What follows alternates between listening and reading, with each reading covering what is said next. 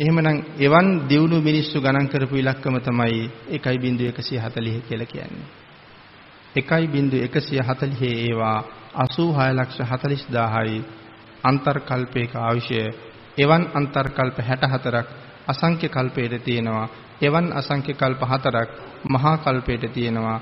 එහෙමනම් මහා කල්පය ඇතුලේ අන්තර්කල්ප තියෙනවා 256ක් අසංඛ්‍ය 86 ලක්ෂ 40000 ඒවා 256ක් තියෙනවා මහා කල්පය ඇතුලේ එතකොට අසංඛ්‍ය 86 ලක්ෂ 40000 එව්ව කියහම මේ අන්තර්කල්ප 256ක්.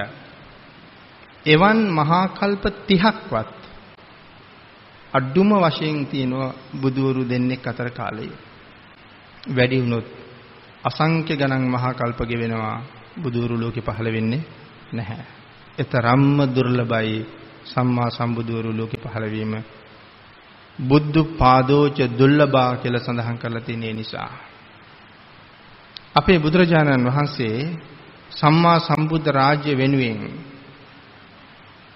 පාරමිතා සම්පූර්ණ කරමින් නැත්නම් බුද්ධත්වයට අවශ්‍ය කරුණු නැත් එහෙමත් නැත්නම් බුදු වෙනවා කියලා තීරණය කරපු තැන ඉඳලා බුද්ධත්වයේ දක්වා එන ගමන මහා කල්ප අසංඛ්‍ය 20ක් මහා කල්ප අසංඛ්‍ය 20ක් මේ කාරණාව මම හිතන්නේ දෙතුන් පාරක් මෙනෙහි කරන්න වෙයි තේරෙන්න මහා කල්පම 1.140 ඒවා 20ක් තවත් ලක්ෂ එකක්. මේ අම්මගෙන් ආශිර්වාද අරගෙන එන ගමන. මේ කාලය ගෙවාගෙන එනකොට මුල් කාලයට කියන්නේ මනෝ ප්‍රනිධානය කියලා. ඒ කියන්නේ මම බුදු වෙනවා කියලා හිතේ විතරයි තියෙන්නේ. මනෝ ප්‍රනිධාන. අපි හැමෝගෙම මනෝ ප්‍රනිධාන තියෙනවා. කාටවත් නොකිය හිතේ තියෙන දේවල් අපි හැමෝම ළඟ තියෙනවා. එහෙමනම් මේ මනෝ ප්‍රනිධාන කාලය මහා කල්ප අසංඛ්‍ය 7යි කියලා සඳහන් කරනවා. මේ මහා කල්ප අසංඛ්‍ය 7 ඇතුලේ උන්වහන්සේ දකිනවා ලෞතුරා බුදුරජාණන් වහන්සේලා මුණ ගැහෙනවා. ලෞතුරා බුදුරජාණන් වහන්සේලා 125000ක් මුණ ගැහෙනවා මේ මහා කල්ප අසංඛ්‍ය 7 ඇතුලේ. ඊට පස්සේ මනෝ ප්‍රනිධානයේ වාක් ප්‍රනිධානයේ. මනෝ ප්‍රනිධානයේ මහා කල්ප සංඛ්‍ය 7යි වාක් ප්‍රනිධානය මහා කල්ප සංඛ්‍ය 9යි මේ වාක් ප්‍රනිධානයේ ඇතුලේ උන්වහන්සේට මුණ ගැහෙන ලෞතර බුදුරජාණන් වහන්සේලා 387000ක් ඉතින් මොන තරම් දීර්ඝ ගමනක්ද මේ එන්නේ එතකොට? එතකොට 125000යි 387000යි එකතු වෙච්චාම 512000යි දැන් බුදුරජාණන් වහන්සේලා 512000ක් මුණ ගැහිලා ඉවරයි. මහා කල්ප අසංඛ්‍ය 16ක් ගෙවිලා ඉවරයි. මේ කාලේ තමයි මුණ ගැහෙන්නේ දීපංකර බුදුරජාණන් වහන්සේ. උන්වහන්සේ තමයි සුමේද තාපසතුමාට නියත විවරණ ලබලා දෙන්නේ. සම්මා සම්බුද්ධත්වයේ හැටියට සැබෑම නියත විවරණේ ඉස්සරලාම ලැබෙන්නේ උන්වහන්සේගෙන්. අර දානශාලාවට වඩින වෙලාවේ මඩවලිය දිගෑරිලා ඉන්නකොට ඉතින් අතීතේ කොච්චර දියුණුද කියන කාරණාවක් මෙතන තියෙනවා. මේ නියත විවරණ ලබා දෙන වෙලාවේ දීපංකර බුදුරජාණන් වහන්සේත් එක්ක දානශාලාවට වඩිනවා මහරහතන් වහන්සේලා ලක්ෂ 4ක්. පින්නතුනි අපේ ගෙදරක ස්වාමින් වහන්සේලා 19කට දානි පූජා කරන්න ගියාම කොයි තරම් කලබලයක් තියෙනවද අපිට? එතකොට කල්පනා කරන්න එකම වෙලාව තුල ලක්ෂ 4කට දානි දෙන්න මේ කාලේ මිනිස්සු මොන තරම් දියුණුවක් ලබලා ඉන්නද කියලා. අපි එහෙම දාන දෙන්න ගියොත් දවස් ගාණක් යනවා. ස්වාමීන් වහන්සේලා දවස් කීයක් බඩගින්න ඉන්න වෙයිද? මෙතනින් බත් බේසම අරගෙන බෙදන්න පටන් ගත්තාම ලක්ෂ 4කට දන් දෙන්න. මොන තරම් දියුණුවක් තියෙන්නේ නැද්ද ඒකට? ඒ දානශාලාවට වඩින අතරේ තමයි මේ මඩවල ගොඩ කරන තැනදී මුණ ගැහෙන්නේ. සුමේද තාපසතුමාට හම්බ වෙන්නේ මඩවලක් ගොඩ කරන්න. ඉතින් මිනිස්සු එතුමාට මඩවල බාර දුන්නේ මිනිස්සුන්ට ගොඩ කරන්න බැරි බව දන්නවා. තාපසතුමා 이르දියෙන් වඩින බව දන්නවා. මෙතෙන්ට බහින්නේ 이르දියෙන්මයි. 이르දි තියෙන නිසා 이르දියෙන් මඩවල ගොඩ කරයි. නමුත් තාපසතුමා කල්පනා කරනවා 이르දියෙන් ගොඩ කරන එක වැඩක් නෙමෙයි. නමුත් එතකොට මට පින් සිද්ධ වෙනවා අඩුයි. එනිසා මගේ දාඩිය කඳුළු මෙතෙන්ට යට කරන්න ඕනේ. කූඩයක් උදැල්ලක් අරගෙන පස් කප කපා වලපුරෝ පුරෝ ඉන්නකොට තමයි සාදුකාරය ඇහෙන්නේ හිස ඔසවලා බලනකොට භාග්‍යතුන් වහන්සේ වැඩම කරනවා. මහරහතන් වහන්සේලාත් වඩිනවා මඩවල පිළිලා නැහැ. ඒ වෙලාවේ තීරණය කරනවා අද මගේ ජීවිතේ මම පූජා කරනවා කියලා. එහෙම තීරණය කළා මඩවල උඩ දිග ඇරෙනවා. එහෙම දිග ඇරුණත් ඉස්සරහට තව මඩවලක් ළඟට යනකොට තව සීතල වතුර මඩට බහින්න ඉස්සලා තියෙනවනේ. ඉතින් ඒ තරම්ම මේ ඇඟ දිග නෑ. අදහන් කරනවා ඊටාම දිග කෙස් කලඹක් තිබුණා කියලා. හිස මුදුනෙන් බැඳගෙන. ඒ කෙස් කලඹ ලෙහලා අර ඉදිරියේ තියෙන සීතල පස් මත පැදුරක් එළුවා වගේ කේශ කලාපය එලනවා. එතනින් එහාට තමයි මේ ඍෂිවරයා ඉන්නේ. දීපංකර බුදුරජාණන් වහන්සේ මෙතෙන්ට ඇවිල්ලා නතර වෙලා බලනවා කවුද මේ ජීවිතේ පූජා කරපු කෙනා කියලා. එහෙම බලලා උන්වහන්සේ ආපහු හැරෙනවා. බුදුරජාණන් වහන්සේ නමක් ආපහු හැරෙන එකට කියනවා විශේෂ නමක්. නාගාවලෝපණය කියලා. අපි නාග කියන වචනේ පාවිච්චි කරනවා ඇතාට. නාග කියලා ඇතාටත් කියනවා රහතන් වහන්සේටත් කියනවා නාගයාටත් කියනවා. මේ නාගාවලෝපණය ඇතෙක් කවදාවත් Tamanට පිටිපස්සෙන් සද්දයක් ඇහුනොත් ඉස්සරහට යන ගමන නවත්තලා බෙල්ල හරවලා බලන්නේ එයා ආපහු බලනෝ නම් බලන්නේ නතර වෙලා මුළු ඇඟම ආපහු හරවනවා. එයා ගියපු පැත්තට පසුපස හරවලා එයා ආපු පැත්තට ඉස්සර හරවලා තමයි බලන්නේ. බුදුරජාණන් වහන්සේලාත් යම් සිද්ධියක් නිසා ආපහු බලන්න වුණොත් අපි වාගේ බෙල්ල හරවලා බලන්නේ කවදාවත්. නතර වෙලා මුළු ශ්‍රී දේහයම හරවනවා ඒ පැත්තට. අන්න ඒ නිසා උන්වහන්සේ හැරෙන එකට කියන්නේ නාගාවලෝපණය කියලා. නාගාවලෝපණය කරනවා රහතන් වහන්සේලා ඉන්න පැත්තට. එහෙම කරලා උන්වහන්සේලාට ආමන්ත්‍රණය කරනවා ආමන්ත්‍රණය කරලා දේශනා කරනවා මහණෙනි මේ මඩවලේ දිගෑරිලා මේ 이르දිමත් තාපසේක අපිට ජීවිතේ පූජා කරලා තියෙනවා. මේ පිට මතින් මඩවලෙන් එතර වෙන්නයි ජීවිතේ පූජා කළේ. ඉතින් ලක්ෂ 4කට පෑගුණොත් මිනිහෙකුගේ දූවිලිවත් ඉතුරු වෙන්නේ නමුත් බුදුරජාණන් වහන්සේ සඳහන් කරනවා මේ පිටට පය තියන්න පුළුවන් අය දෙවියන් බඹුන් මරුන් සහිත ලෝකේ එකම එක පුද්ගලයයි ඉන්නේ කියලා. කිසිම බ්‍රහ්මයෙකුටවත් මේ පිට පාගන්න බෑ. විශේෂ කාරණා විමසුවහම උත්තරයක් දෙනවා මේ පිටට පය තියන්න පුළුවන් සම්මා සම්බුද්ධ වෙච්ච මට විතරයි මේ මඩවලේ දිගෑරිලා ඉන්නේ බුද්ධාංකුරයක්. ඒ වෙලාවේ දේශනා කරනවා තවත් මහා කල්ප අසංඛ්‍ය 4යි ලක්ෂ එකක් ගත වුණාට පස්සේ දඹදිව කියන ප්‍රදේශයේ මහා සම්මත රාජවංශයේ ඔක්කාක රාජ පරම්පරාවේ ශාක්‍ය ගෝත්‍රයේ සුද්ධෝදන නම් පුණ්‍යවන්ත තාත්ත කෙනෙකුට දාව මහා මායානං පුණ්‍යවන්ත අම්මා කෙනෙකුගේ කුසේ පිළිසිඳගෙන මාස 10ක් මව් කුසේ ඉඳලා මෙලව එළිය දකින සිද්ධාර්ථ ගෞතම නමින් වසර 35කින් පස්සේ සම්මා සම්බුද්ධත්වයේ ලබන මහා වීරයා තමයි මේ ජීවිතේ පූජා කරලා තියෙන්නේ. මේ විවරණය දෙන වෙලාවේ මුළු ලෝක ධාතුවම කම්පා වෙනවා. දෙවියෝ මිනිස්සු සාදුකාර කියනවා. උන්වහන්සේ නියත විවරණ ලැබලා දීලා සුමේද තාපසතුමා වටේට තුන් වතාවක් ප්‍රදක්ෂිනා කරනවා. වන්දනා කරන්න බැහැනේ. එහෙමනම් ගරු කළ යුත්තන්ට වයසින් අඩුද වැඩිද කියලා කාරණාවක් නැහැ. ගරු කළ යුතු නම් බුදුරජාණන් වහන්සේ පවා ගරු කළා. මේවා අපිට මහ පුදුම අවවාද මේ කාරණා. ඒ නිසායි තුන් වතාවක් ප්‍රදක්ෂිනා කරන්නේ. එහෙම ප්‍රදක්ෂිනා කරලා වඩින්න ලෑස්ති වෙනකොට තරුණියක් දුවගෙන දුවගෙන එනවා එතෙන්ට. ඇවිල්ලා ඇය ගාව තියෙනවා සමම් පිච්චමල්. පිච්චමල් මිටි 8ක් තියෙනවා. මිටි 5ක් පූජා කරනවා. පූජා කරලා ප්‍රාර්ථනාවක් කරනවා භාග්‍යවතුන් වහන්සේ මේ මඩවලේ දිගෑරිලා ඉන්න ඍෂිවරයාට සම්මා සම්බුද්ධත්වයේ නම් අති උතුම් තැනට එන්න පුළුවන් කියලා මොහොතකට කලින් ඔබ වහන්සේ නියත විවරණයක් දුන්නා.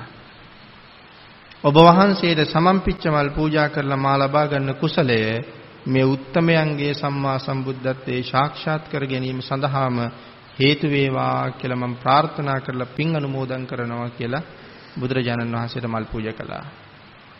තව මල් මිටි තුනක් තියෙනවා. ඒ මල් මිටි තුන දෙවනි වතාවේ පූජා කරනවා. පූජා කරලා ප්‍රාර්ථනා කරනවා ස්වාමීනි මේ මහා පුරුෂයාණන් ලෞතර බුදු බව ලබන ආත්මේ උන්වහන්සේගේ ශාසනයෙන් සදහටම සංසාරයෙන් එතර යන්න මට පිං ලැබේවා කියලා තමයි ඊතුරු මලමිටි තුන පූජා කළේ. මේ තරුණියගේ නම සුමිත්තා. මේ වෙන කවුරුවත් නෙමෙයි යශෝදරා දේවින් වහන්සේමයි. පටන් ගත්ත තැන ඉඳලම සංසාරේ පිටිපස්සෙන් යන කෙනෙක්. පිරිනිවන් පාන්න ගිහිල්ලා බුදුරජාණන් වහන්සේට ඒ කරුණ මතක් කරනවා. අග්‍ර ශ්‍රාවකයන් වහන්සේට පවා ආපස්සට ජීවිතේ බලන්න පුළුවන්. ජාති ස්මරණීය ඥාණයෙන් ආපහු බලන්න පුළුවන් සඳහන් කරනවා මහා කල්ප අසංඛ්‍ය 4යි කියලා. සරියුත් මහරහතන් වහන්සේට බලන්න පුළුවන් මහා කල්ප අසංඛ්‍ය 4යි ආපහු. නමුත් යශෝදරා දේවින් වහන්සේ මේ රහතන් වහන්සේ පිරිනිවන් පාන්න ගිහිලා බුදුරජාණන් වහන්සේට මතක් කරනවා ස්වාමීනි මතකද ඔබ වහන්සේ මුලින්ම පුරාණ බ්‍රහ්මදේව බුදුරජාණන් වහන්සේ ළඟ බුද්ධත්වයේ ප්‍රාර්ථනා කරන වෙලාවේ මම ළඟ හිටියා වහන්සේට මතකද කියලා අහනවා. ඒ කියන්නේ මහා කල්ප අසංඛ්‍ය 16යි ගණනක් ඈතට පේනවා. ඒතරම් මහ ප්‍රතාපවත් කෙනෙක්. නමුත් අපි මේ චරිත ගැන වැඩි කතා කරන්නේ නැති නිසා අපිට ශ්‍රද්ධාව උපදින්නේ නැහැ මේ චරිත ගැන. අපි හිතනවට වඩා බොහොම ආශ්චර්යයි. ඉතින් මේ විදිහට තමයි නියත විවරණ ලබාගෙන බුදුරජාණන් වහන්සේ දානශාලාවට වැඩියා. දෙවියන් මිනිසුන් සාදුකාර පවත්වනවා. කල්පනා කරනවා මට බුද්ධත්වයේ ලැබෙනවා කියලා. බුදුරජාණන් වහන්සේ දේශනා කළා තථාගත වරුන්ගේ වචනය කවදාවත් බොරු වෙන්නේ නැහැ. උදාහරණ ගණනාවක් කල්පනා කරනවා. අහසට විසිකෙරුවොත් ගල් කැටයක් සුමේද තාපසතුමයි මේ හිතන්නේ. ඒ ගල් කැටය කවදාවත් අහසේ රැඳෙන්නේ නැහැ. අපි යොදන ශක්තිය ඉවර වෙච්ච ගමන් ගල් කැටය අපහු පල්ලෙහාට එනවා. අන්න ඒ කාරණාව සත්‍යයි. තථාගතවරුන්ගේ වචනයත් එසේම සත්‍යයි.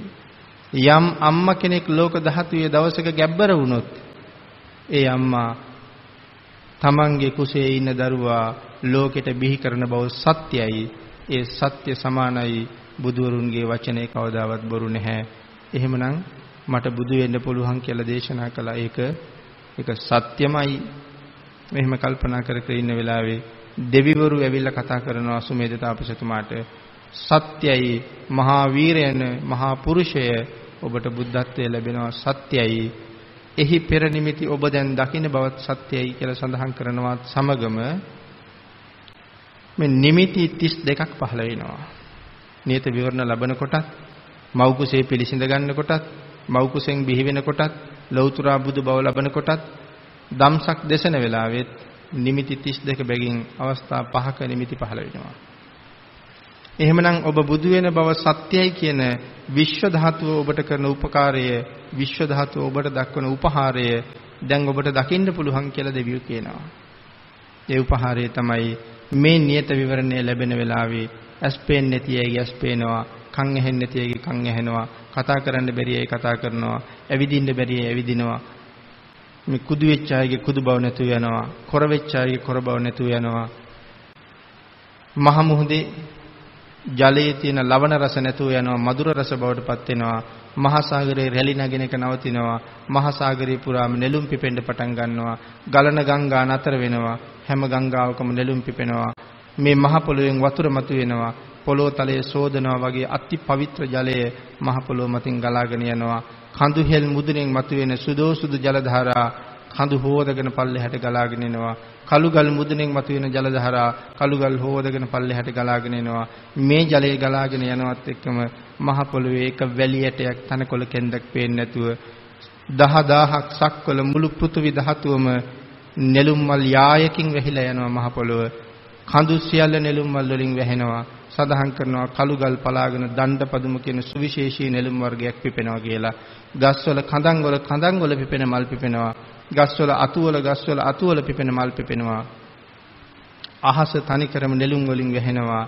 ඒ නිසා නෙළුම් මල් අහසේ එල්ලෙනවා. වලාකුලක් තරුවක් හිස් අහස නිල් අහස මොකවත් පේන්නේ නැති නිසා ඕලම්පික පදුම කියලා සඳහන් කරනවා. ඊට උඩින් දෙවියන් විසින් තූර්ය වාදනය කරනවා. මනුස්ස ලෝකේ තියෙන තූර්ය භාණ්ඩ වාදනය කරන්න කෙනෙක් නෑ. ඉබේම භාණ්ඩයේ විසින්ම වාදනය වෙනවා. හැම මිනිස්සෙක්ම පැලඳගෙන ඉන්න අතේ තියෙන මාලේ මුද්ද කරාඹුව වලල්ල මේ සියලු ආභරණ වලින් ඊටාම සියුම් සහ මිහිරි වූ හඬක් නැගෙන්න පටන් ගන්නවා. මෙන්න මේ වගේ නිමිති 32කින් ලෝක ධාතුව විසිරීලා යනවා.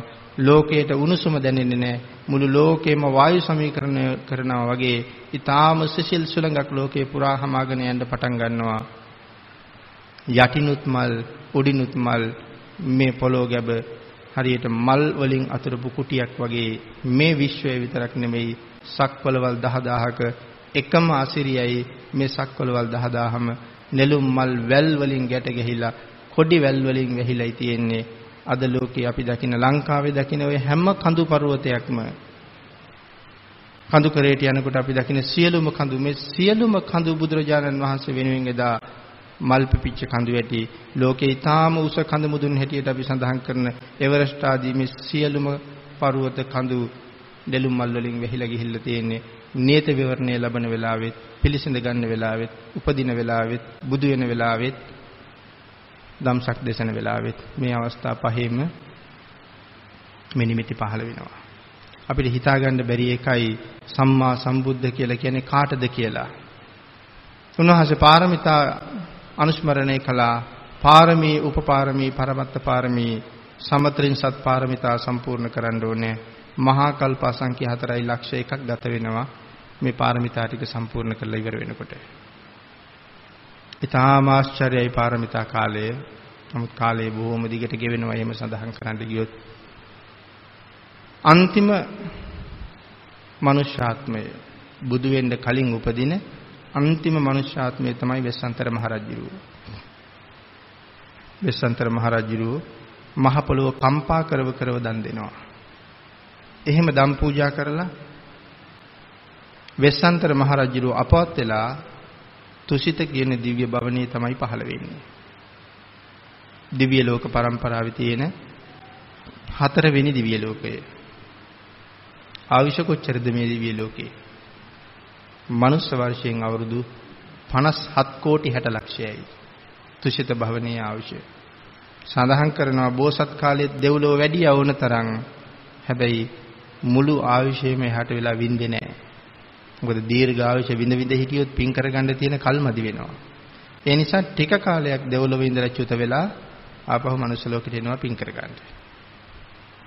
දැන් ආයේ මනුස්ස ලෝකෙට එනවා කියන කාරණාවක් නෑ බුදු වීම හැර. ඒ නිසා මේ අවුරුදු 57 කෝටි 60 ලක්ෂයේ එක දවසක්වත් අඩු නැතුව තුසිතේ දිව්‍ය සැප විඳිනවා. තුසිතේ උපදිනකොටම නම සන්තුසිත නමින් උපදිනවා. කාලයක් එහි ඉන්නකොට රජකම හම්බ වෙනවා. ඒ නිසා නම්බු නාමය සේතකේතු. සන්තුසිත දිව්‍ය රාජයාගේ නම්බු නාමය සේතකේතු. අපේ රටේ ජනාධිපති කෙනෙක් ඉන්නවා. නම ජනාධිපති නෙමෙයි නමුත් තානාන්තරය තමයි ජනාධිපති නම වෙන එකක් ඒ වගේ සන්තුෂිත තමයි නම තානාන්තරය තමයි සේතකේතු ඉතින් ලෝකේ අනිත්‍යයි මේ අවුරුදු 57 කෝටි 60 ලක්ෂයෙම ඉවර වෙනවා. චුත වීමේ නිමිති පහළ වෙනවා. දෙවිවරු දෙව්ලොවින් චුත වෙන්න ආසන්න වෙනකොට ඒගොල්ලන්ට නිමිති පහළ වෙනවා. මනුස්ස ලෝකේ දවස් 7කට කලින් නිමිති පහළ වෙනවා ඔබ චුත වෙන්න ළඟයි. උපදිනකොට ඇඟේ පළඳින මල් කවදාවත් පර වෙන්නේ අවුරුදු කෝටි ගණක් අවශ්‍ය භුක්ති විඳත් ඒ මල් මලානික වෙනවා. කවදාවත් දෙවියන්ගේ ඇදුම් කිලුට වෙලා අපේ වගේ හොදන්න වෙන්නේ නැහැ. නමුත් ඇඳුම් කිලුට වෙන්න පටන් ගන්නවා. කවදාවත්ම දෙවියන්ට දහදිය දාන්නේ නමුත් මේ වෙලාවේ දහදිය දානවා. Taman ඉන්න ආසනේ ඉඳ හිතෙන්නේ නැතුව යනවා. Taman වෙනුවෙන් තියෙන පැම් පොකුණු ආදී බොර වෙනවා. මේ වාගේ නිමිති පහළ වෙනකොට දන්නවා මංචිත වෙන්න ළඟයි. හැබැයි හුඟක් දෙනාට සිහි නැහැ කියලා සඳහන් කරනවා. චුත වීම පිළිබඳව චුත වෙනකම්ම දන්නේ නැහැ. නමුත් බොහෝම සිහියෙන් ඉන්න දෙවිවරු මංචිත වෙන්න ළඟයි කියලා දැනගන්නවා. බෝසතාණන් වහන්සේ දැනගන්නවා. මෙන්න මේ වෙලාවේ 10000ක් සක්වල දිව්‍ය රාජවරු සහ බ්‍රහ්ම රාජවරු තුසිත භවනට රැස් වෙනවා. තුසිත භවනට රැස් වෙලා ආරාධනාවක් කරනවා උන්වහන්සේ ගාව දන ගහගෙන වැඳගෙන. සන්තුෂිත දිව්‍ය රාජයා කෙලස් ප්‍රහීණය කරලා නැහැ. තාම කෙලස් සහිත දෙවියෙක්. නමුත් මෙතෙන්ට වඩිනවා සුද්ධාවාසවල වැඩ ඉන්න සියලුම කෙලෙස් ධර්මයන් ප්‍රහීණය කරලා දාපු ලෞතුරා බුදුරජාණන් වහන්සේලා හත් නමකගෙන් බණ අහලා තියෙන අවශ්‍ය හරි දිගයි. දිව්‍ය ලෝකේ විතරයි කෝටි ගණන් වලින් අවශ්‍ය කතා කරන්නේ බ්‍රහ්ම ලෝකයේ අවශ්‍ය කතා කරන්නේ කල්ප ගණන් වලින්. ඒ නිසා පෙර බුදුවරු 6 7 දෙනා දැකපු බ්‍රහ්ම රාජ්‍යොත් මේ බ්‍රහ්ම ලෝකවල ඉන්නවා. හැබැයි රහතන් වහන්සේලා මේ සව් කෙලෙස් නසාපු උත්තමයෝ කෙලෙස් සහිත සන්තුෂිත දිව්‍ය රාජ්‍ය ගාවට ඇවිල්ලා දන ගහනවා. සාමාන්‍ය කෙනෙකුට තේරුම් ගන්න හරි අමාරුයි. කෙලෙස් රහිත උත්තමයෝ කෙලෙස් සහිත බෝසතාණන් වහන්සේ ගාව කොහොමද දන ගෙහුවේ කියලා. කෙලෙස් සහිතයි කියලා කියන්නේ අපි ගාව තියෙන කෙලෙස් වගේ කෙලෙස් නැහැ. නමුත් රහත් වෙලා නැහැනේ. ඒකෙන් වැටහෙන්නේ බෝසතාණන් වහන්සේ බෝසත් අවදියේ රහතන් වහන්සේ නමකට වඩා උත්තමයි කියන එක. එහෙම දන ගහගෙන වැඳගෙන තමයි ආරාධනාවක් කරන්නේ කාලෝ අයන්තේ මහාවීර උපාද මාතු කුච්චියන්. මහා වීරයන් වහන්සේ මාතෘ ගර්භයකට වඩින්න කාලයයි මේක. මේ වෙලාවේ තමයි අර නිමිති කාරණා පහක් දිහා බලනවා. පංච මහා විලෝකණය කියලා අපි ඒකට කියනවා. කාලය, දීපය, දේශය, කුලය, මව. කාලය කියලා බලන්නේ කිසිම බුදුරජාණන් වහන්සේ නමකට ආයුෂ ලක්ෂයකට වැඩි නෑ. අඩු මිසක් වැඩි නෑ. හැබැයි 100ට අඩුත් නෑ. එහෙනම් බුදුරජාණන් වහන්සේලා පහළ වෙන්නෙම ආයුෂ මිනිස්සුන්ගේ ලක්ෂයට අඩු 100ට වැඩි. 100ත් ලක්ෂයත් අතර පරමාවශ්‍ය තියෙනකොට තමයි බුදුරු ලෝකේ පහළ වෙන්නේ. ඒක තමයි කාලය. දීපය මේ ලෝකය මහත් දීප හතරකට බෙදෙනවා. ජම්බුද්දීපය, උතුරු කුරු දිවයින, పూర్ව විදේහය, අපරගෝ යානය. මේ දීප හතරෙන් ජම්බුද්දීපය විතරයි බුදුරු පහළ වෙන්නේ. එතකොට ජම්බුද්දීපය කියලා කියන්නේ ඉන්දියාවටද? ජම්බුද්දීපය කියන්නේ ඉන්දියාවට නෙමෙයි. අපි පුරුදු වෙලා තියෙන දඹදිව කියන්නේ ඉන්දියාවට. ඒ වුණාට ජන්බුද්දීපය කියලා කියන්නේ මේ මහද්වීප හතරේ විශාලතම මහද්වීපය. සඳහන් කරනවා වර්තමානයේ නම් ආරම්භ වෙන්නේ සෝවියට් රුසියාවෙන් කියලා. සෝවියට් රුසියාව, ස්පාඤ්ඤය, පෘතුගාලය හරහා පැතිරිලා ඉන්දියාව, හිමාලය මේ හිමාල පර්වතය මධ්‍ය ලක්ෂ්‍ය කරගෙන පැතිරිලා පවතිනවා ජම්බුද්දීපයේ තරම් විශාලයි. එහෙනම් බුදුවරු පහළ වෙන්නේ මේ දීපේ විතරයි. ඒකයි දීපය කියලා බලන්නේ. දේශය ඒ දීපයේ මධ්‍ය දේශයේ පහළ වෙන්නේ. ඒ නිසා මධ්‍ය දේශයේ දිහා බලනවා. කුලය කියලා බලන්නේ තාත්තා දිහා. තාත්තා දිහා බලනවා කියහම තාත්තා කොයිතරම් પરම්පරාවෙන් පිරිසිදුද කියලා බලනවා. අපි කියන්නේ හත්මුතු પરම්පරාවකින්වත් පිරිසිදු වෙන්න ඕනේ කියලා. නමුත් සඳහන් කරනවා මහා සම්මත රාජවංශයේ પરම්පරා ලක්ෂ ගණනකින් පාරිශුද්ධයි කියලා. සුද්ධෝදන රජුගේ પરම්පරාව. අම්මා දිහා බලනවා ඊළඟට මව මව දිහා බලනකොට විශේෂ කරුණු ගොඩක් බලනවා. ස්වභාවයෙන්ම බෝසතාණන් වහන්සේ නමකට උපත දෙන අම්මගේ වයස අඩුයි. ආයුෂ කෙටි. ඒ නිසා උන්වහන්සේ බලනවා මම මගේ අම්මගේ දැන් තව ජීවත් වෙන්න කොච්චර අම්මට අවශ්‍ය තියෙනවද කියලා. මම උපන්නත් නැතත් මට උපත දෙන අම්මා තව කොච්චර කාලයක් මනුස්ස ලෝකේ ජීවත් වෙනවද? මාස 10ක් බෝසතාණන් වහන්සේ මාතෘ ගර්භයේ වැඩ ඉන්නවා. අපි වගේ මාස 9න් 9හමාරෙන් බෝසතාණන් වහන්සේ උපදින්නේ නැහැ. මාස 10ම වැඩ ඉන්නවා. ඒ කියන්නේ මාසයකට දවස් 30යි කියලා හිතුවොත් දවස් 300ක්ම මාතෘ ගර්භයේ වැඩ ඉන්නවා. හරියටම 300ට වැඩි වෙන්නෙත් නැහැ. 300ට අඩු වෙන්නෙත් නැහැ. අම්මගේ වයස මේ වෙනකොට එහෙමනම් මගේ අම්මා ජීවත් වෙන්නේ අද පටන් දවස් 307යි. ඒ කියන්නේ දවස් 300කින් මං ඉපදෙනවා. තවත් 7කින් අම්මගේ ආයුෂ ඉවර වෙනවා. ඒක න්‍යාය ධර්මයක්. අන්න ඒක බලනවා. මං ඉපදුනාට පස්සේ අම්මා දවස් 7යි ජීවත් වෙන්නේ. ඒ න්‍යාය ධර්මයේ බලනවා ඊළඟට සඳහන් කරනවා අම්මා සිල් ගන්නතුරු මාතෘ ගර්භයට වඩින්නේ නැහැ කියලා. සිල් ගන්න ඕනේ. ඉතින් මේ හරි වටිනා ධර්ම කාරණාවක්. අම්මා ගාව සිල් නැත්තම් බෝසතාණන් වහන්සේ මාතෘ ගර්භයට වඩින්නේ නැහැ. දෙවිලවින් චුත වෙච්ච මහා පුණ්‍යවන්තයෝ කොච්චර බලාගෙන නැද්ද? මනුස්ස ලෝකෙ ඉපදිලා පින් ගන්න. අම්මා සිල්වත් නම් මේ සමාජයේ මීට වඩා ගොඩක් වෙනස් වෙනවා.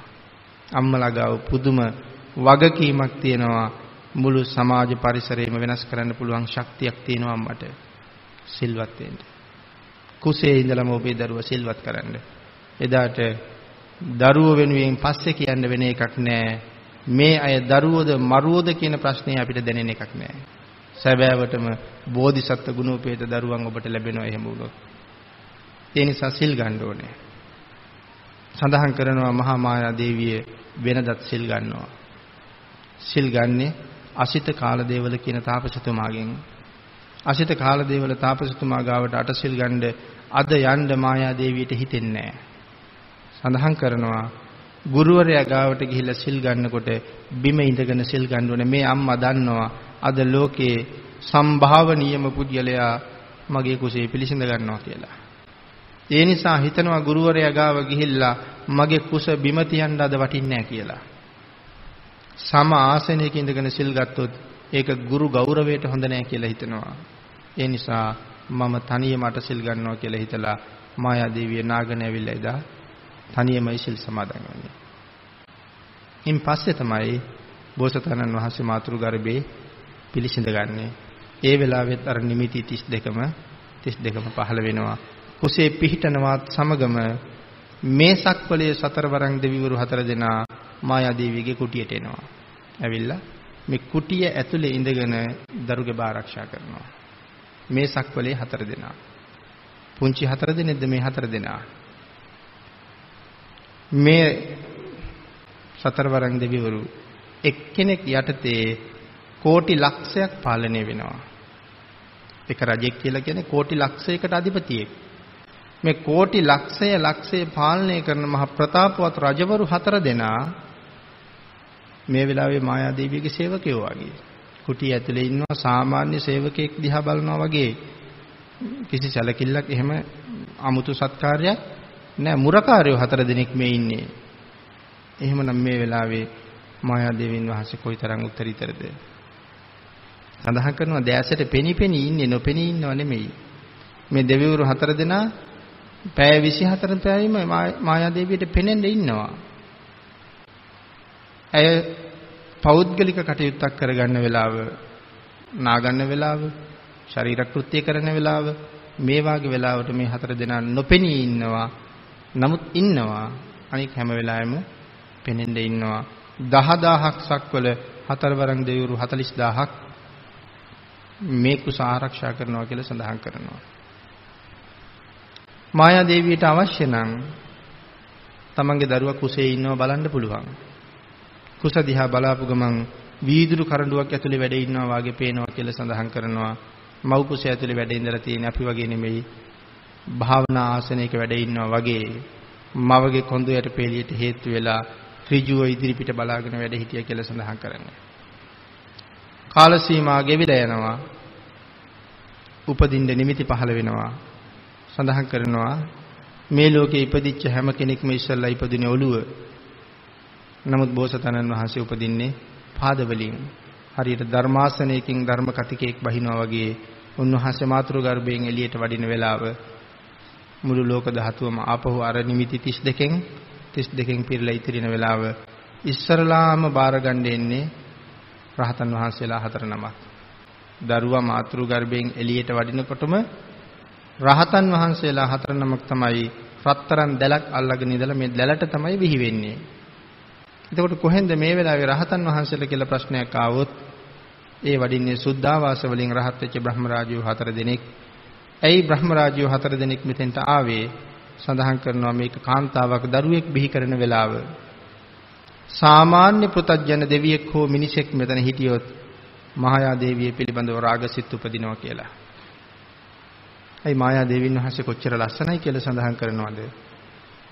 අපේ පිටකේ කිසිම තැනක යසෝදරා දේවීන් වහන්සේගේ ලස්සන වර්ණනා කරන්නේ කිසිම තැනක මහා මායා දේවීන් වහන්සේගේ ලස්සන වර්ණනා කරන්නෙත් නැහැ.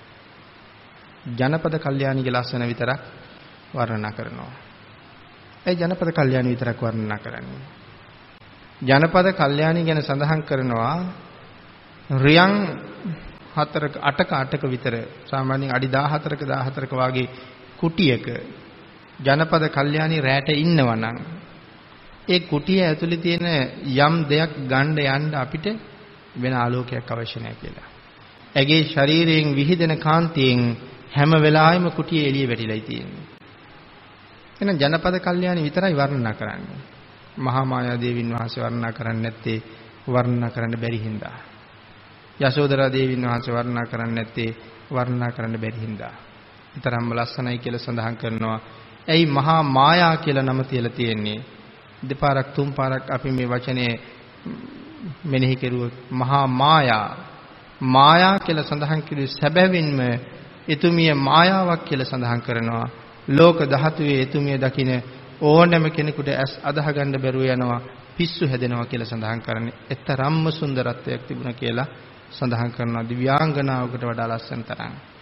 මේ තරම් ලස්සන කාන්තාවක් ළඟ දරුවෙක් බිහි කරන වෙලාවේ රාගසිත සහිත පුජ්‍යලයක් හිටියොත් ඔහුට රාගසිත පහළ වෙනවමයි ප්‍රතඥයෙක් හිටියොත්. යම් කෙනෙකුට මායාදේවින් වහන්සේගෙන රාගසිතක් පහළ වුණොත් මෙහි සෙත් පහළ වෙනකොට ඔහු වෙනුවෙන් අවීචයේ දොර ඇරිලායි තියෙන්නේ නකම්. ඒ තරම් අකුසල් පිරෙනවා කියලා සඳහන් කරනවා. ඒ නිසායි රහතන් වහන්සේලා වඩින්නේ. රන්දලෙන් උන්වහන්සේලා බාර ගන්නවා. මේ අපි උපදින කොට වාගේ ලේසරව මල මුත්‍රා නම් මුකුත් නැහැ. හරියට මේ කසී සලුව කොතල තිබිච්ච ඉන්ද්‍රනීල මාණික්කයක් වගේ සඳහන් කරන ඊටාම පවිත්‍රායි. මවට කිසිම වේදනාවක් දැනෙන්නේ නැහැ දරුවා ඉපදුනාද කියලාවත් දැනෙන්නේ නැහැ. නමුත් විශ්ව ධාතුව මේ අසහාය පුද්ගලයාට සලකන තරම්. අහසේ තියෙන අහස් ගංගාවල් දෙකක් දෙපැත්තෙන් ගලාගෙන එනවා. එකක් උණු වෙලා තියෙන්නේ, අනික සිසිල් වෙලා තියෙන්නේ. මේ උණු දිය ගඟයි, ඇල් දිය ගඟයි මගදී එකතු වෙලා සමාන විදිහට නිමෙනවා. නිමිලා මේ ජල ධාරාවෙන් අම්මත් පුතත් දෙන්නම ස්වභාව ධර්මයේ හොදලා දානවා කියලා සඳහන් කරනවා. අපවිත්‍ර නිසා නෙමෙයි. ඒක ස්වභාව ධර්මයේ න්‍යායක්. මෙහෙම මේ කරුණු සඳහන් කරාම සාමාන්‍යයෙන් කෙනෙකුට හිතෙන්න පුළුවන් මෙහෙම දේවල් වෙන්න පුළුවන්ද කියලා. එනතනි ධර්මයට වැරදිලා නැහැ. වැරදුනොත් අපිට විතරයි අපේ මේ පුහු ඔළුවට මේ කරුණු තේරුම් ගන්න බැරි හින්දා සැක උපදිනවා මිසක් උන්වහන්සේ ගැන අවබෝධ කරන්න ඕනේ තේරුම් ගන්න ඕනේ උන්වහන්සේ කවුද කියලා දැනගන්න. එහෙනම් පාරමිතා ප්‍රකරණයේ පාරමිතා කොටස් සාකච්ඡා කරනකොට ඔබට දැනේවි එහෙම වුණොත් ඔබ කියෙව්වොත් හෙව්වොත් මෙහෙම සැලකුවා කියන එක මොනතරම් ආශ්චර්ය දෙයක්ද කියලා. ඒ කාලේ කරලා තියෙන දේවල්. ඊට පස්සේ තමයි සතරවරන් දෙවියන්ගේ අතට ලැබෙනවා. උන්වහන්සේලා මංගල සම්මත අඳුන් දෙවි සමකින් බාර ගන්නවා මාස 10ක් රැකපු වස්තුව. ඊට පස්සේ තමයි ශාක්‍ය රජවරු අතට ලැබෙන්නේ. ශාක්‍ය රජවරු ධවල වස්ත්‍රයකින් බාර ගන්නවා. ඉන් පස්සේ තමයි බෝසතාණන් වහන්සේ මහ පොළොව ස්පර්ශ කරන්නේ. මේ වෙලාවේ එතකොට නෙළුම් මල් හතක්ද පිපිලා තියෙන්නේ. 10000ක් සක්වලම නෙළුම් මල් වලින් වැහිලා තියෙන වෙලාවක් මේක. නෙළුම් මල් හතක් පිපිච්ච වෙලාවක් නෙවෙයි මේක. නමුත් අපේ පොත්පත්වල අපට ධර්ම කාරණා දැනුවත් කරනකොට ලියවිච්ච හැටි කවුරු කොහොම ලීවද කියලා අපිට හිතාගන්න හිතාගන්න බෑ. මේ මල් මත හිටගෙන උන්වහන්සේ හතර දිහාව බලනවා මට වඩා උතුම් කෙනෙක් ලෝක ධාතුවේ ඉන්නවද කියලා. ඒ උත්තමයන්ගේ හැටි ගරු කරලා එන්න. බලන බලන පැත්තෙන් දෙවියෝ සහ බ්‍රහ්මයෝ ഘോഷා කරනවා ස්වාමීනි ඔබ වහන්සේට වඩා උතුම් තබා ඔබ වහන්සේට සමානෙක්වත් ලෝක ධාතුවේ නැහැ කියලා. අන්න ඒ වෙලාවේ තමයි සිංහනාදයක් කරන්නේ අග්ගෝ හමස්මි ලෝකස්ස ජෙට්ටෝ හමස්මි ලෝකස්ස සෙට්ටෝ හමස්මි ලෝකස්ස අයමන්තිමා ජාති නත්තිදානි පුනබ්බව. මම මේ ලෝකයට අග්‍රයි. මම මේ ලෝකයට ජේෂ්ඨයි. මම මේ ලෝකයට ශ්‍රේෂ්ඨයි. මේක මගේ අන්තිම උපතයි. මේ ප්‍රකාශය කරන්නේ හත් පියවරක් උතුරට වැඩලා එතන නතර වෙලා තමයි මේ ප්‍රකාශය කරන්නේ. පිටකේ අපූර්වට මේ ධර්ම කාරණාව පෙන්නලා තියෙනකොට කවුරු හරි කෙනෙක් අපිට ඉගැන්නුවා. සිද්ධාර්ථ කුමාරයාට ගුරුවරු හිටියා කියලා.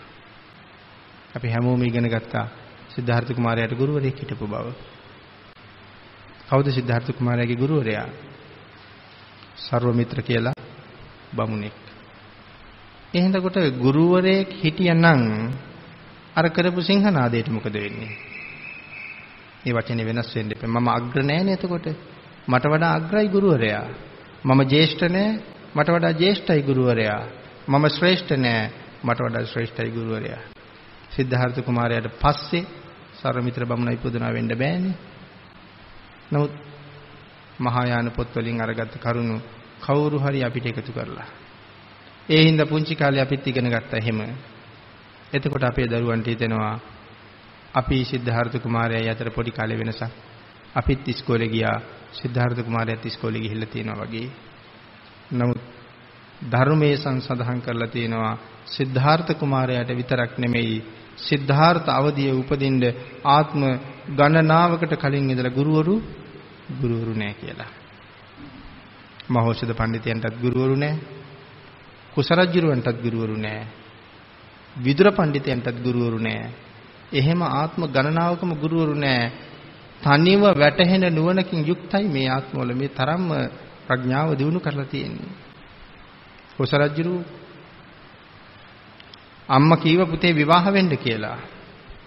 පළවෙනි පාරයි දෙවෙනි පාරයි දෙකම ප්‍රතික්ෂේප කළා. හැබැයි තුන්වෙනි පාරත් අම්මා කිව්වොත් ප්‍රතික්ෂේප කරන්න බෑ. අම්මගේ හිත රිදෙව්වොත් මට අපාය යන්න වෙයි. අතීතයේ හරි බයයිනේ අම්මගේ හිත රිදවන්න. අපි නම් අද බය නෑ. අතීතයේ අය අම්මා කවුද කියලා හොඳට අඳුරනවා. ඉතින් ඒ නිසා අපේ අයට අද අම්මා කවුද කියලා උගන්වන්න වෙනවා. අම්මා කියලා කියන්නේ මේ ලෝකේ මගේ තියෙන ලොකුම තණ්හාව තියෙන්නේ කවුරු ගාවද? මට තියෙන ලොකුම තණ්හාව තියෙන්නේ මගේ ජීවිතය පිළිබඳවයි. වෙන කිසි තැනක මට තණ්හාවක් නැහැ. මගේ දරුවට වඩා, මගේ බිරිඳට වඩා, සැමියට වඩා මට ජීවිතේ වටිනවා. කෙනෙක් අපෙන් ඇවිල්ලා නැත්නම් මෙහෙම හිතුවොත් අපිට අසනීප වෙනවා. අපිට අසනීප වෙනවා. අසනීප වෙලා සනීප වෙන්නේ නැහැ. වෛද්‍යවරු කියනවා පිටරටක ගෙනියන්න ඕනේ ඔබ සනීප කරන්න නම් කෝටි මෙච්චරක් ඕනේ. මං ගාව එච්චර නෑ කෝටි ගාණක්. කෝටි ගාණක් නැති නිසා මං තීරණය කරනවා කොහොමද මේ සල්ලි ටික හොයන්නේ. ඒ නිසා රස්සාව නවත්තලා සමහර අය හිඟා කණ්ඩ යනවා. සල්ලි හොයන්න පුළුවන් ඉඳා.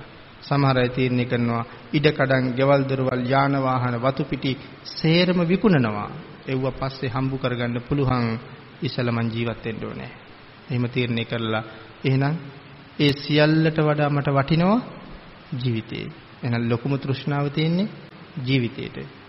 එතකොට මම වැඩියෙන්ම ආදරය කරන්නේ මේ ලෝකේ මගේ ජීවිතේට. එතකොට මේ ජීවිතේ මට දුන්නේ කවුද?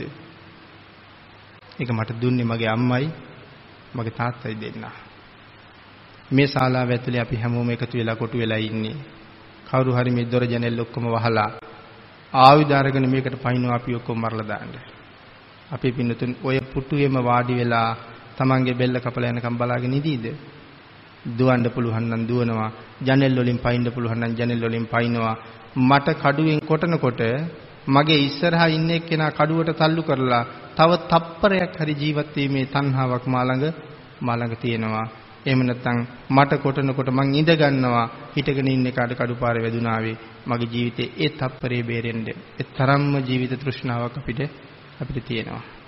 කවුරු හරි ඇවිල්ලා අපිට වහපවනවා.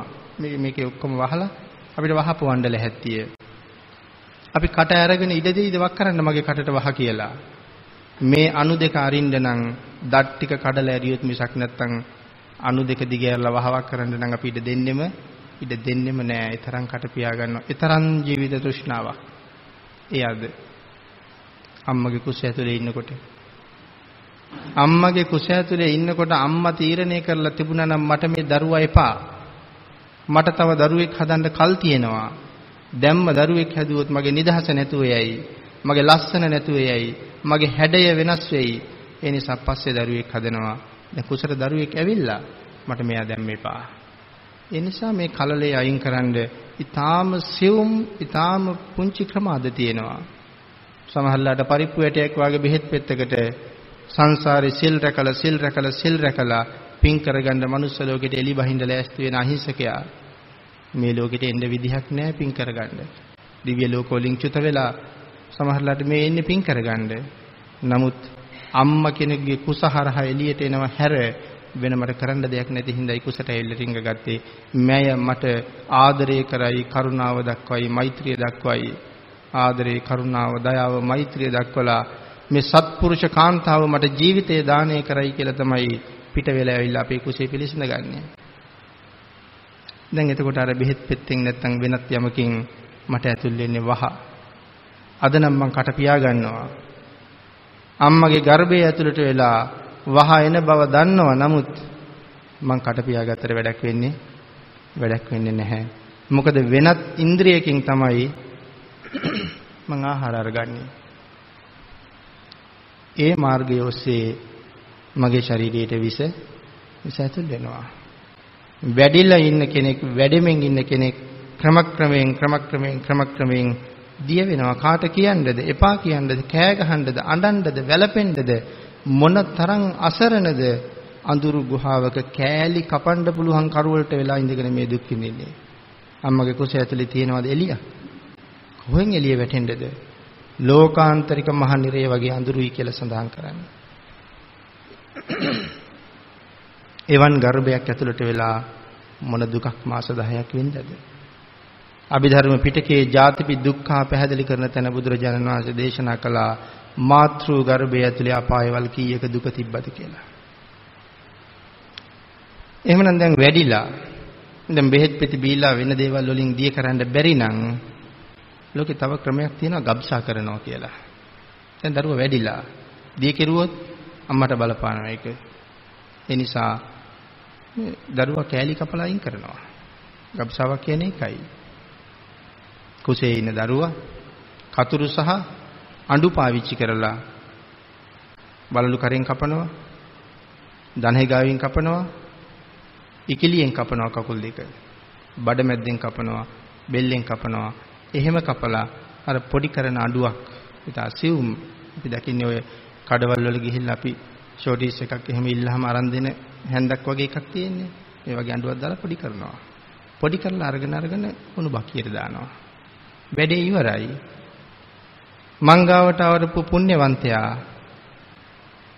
තනියම අඬනව ඇහෙන්නේ කෑලි කෑලි කප කපා අයින් කරපුවා වෙනුවට මං මේ පව්කාරයට තව සල්ලිත් දෙනවා. කවදාවත් මට පෙන්නනවද මෙන් අපි දෙන්නගේ වික්‍රමය කියලා. එහෙම දැක්කොත් මේ ලෝකේ කිසි කාන්තාවක් ගබ්සා කරන එකක් නැහැ.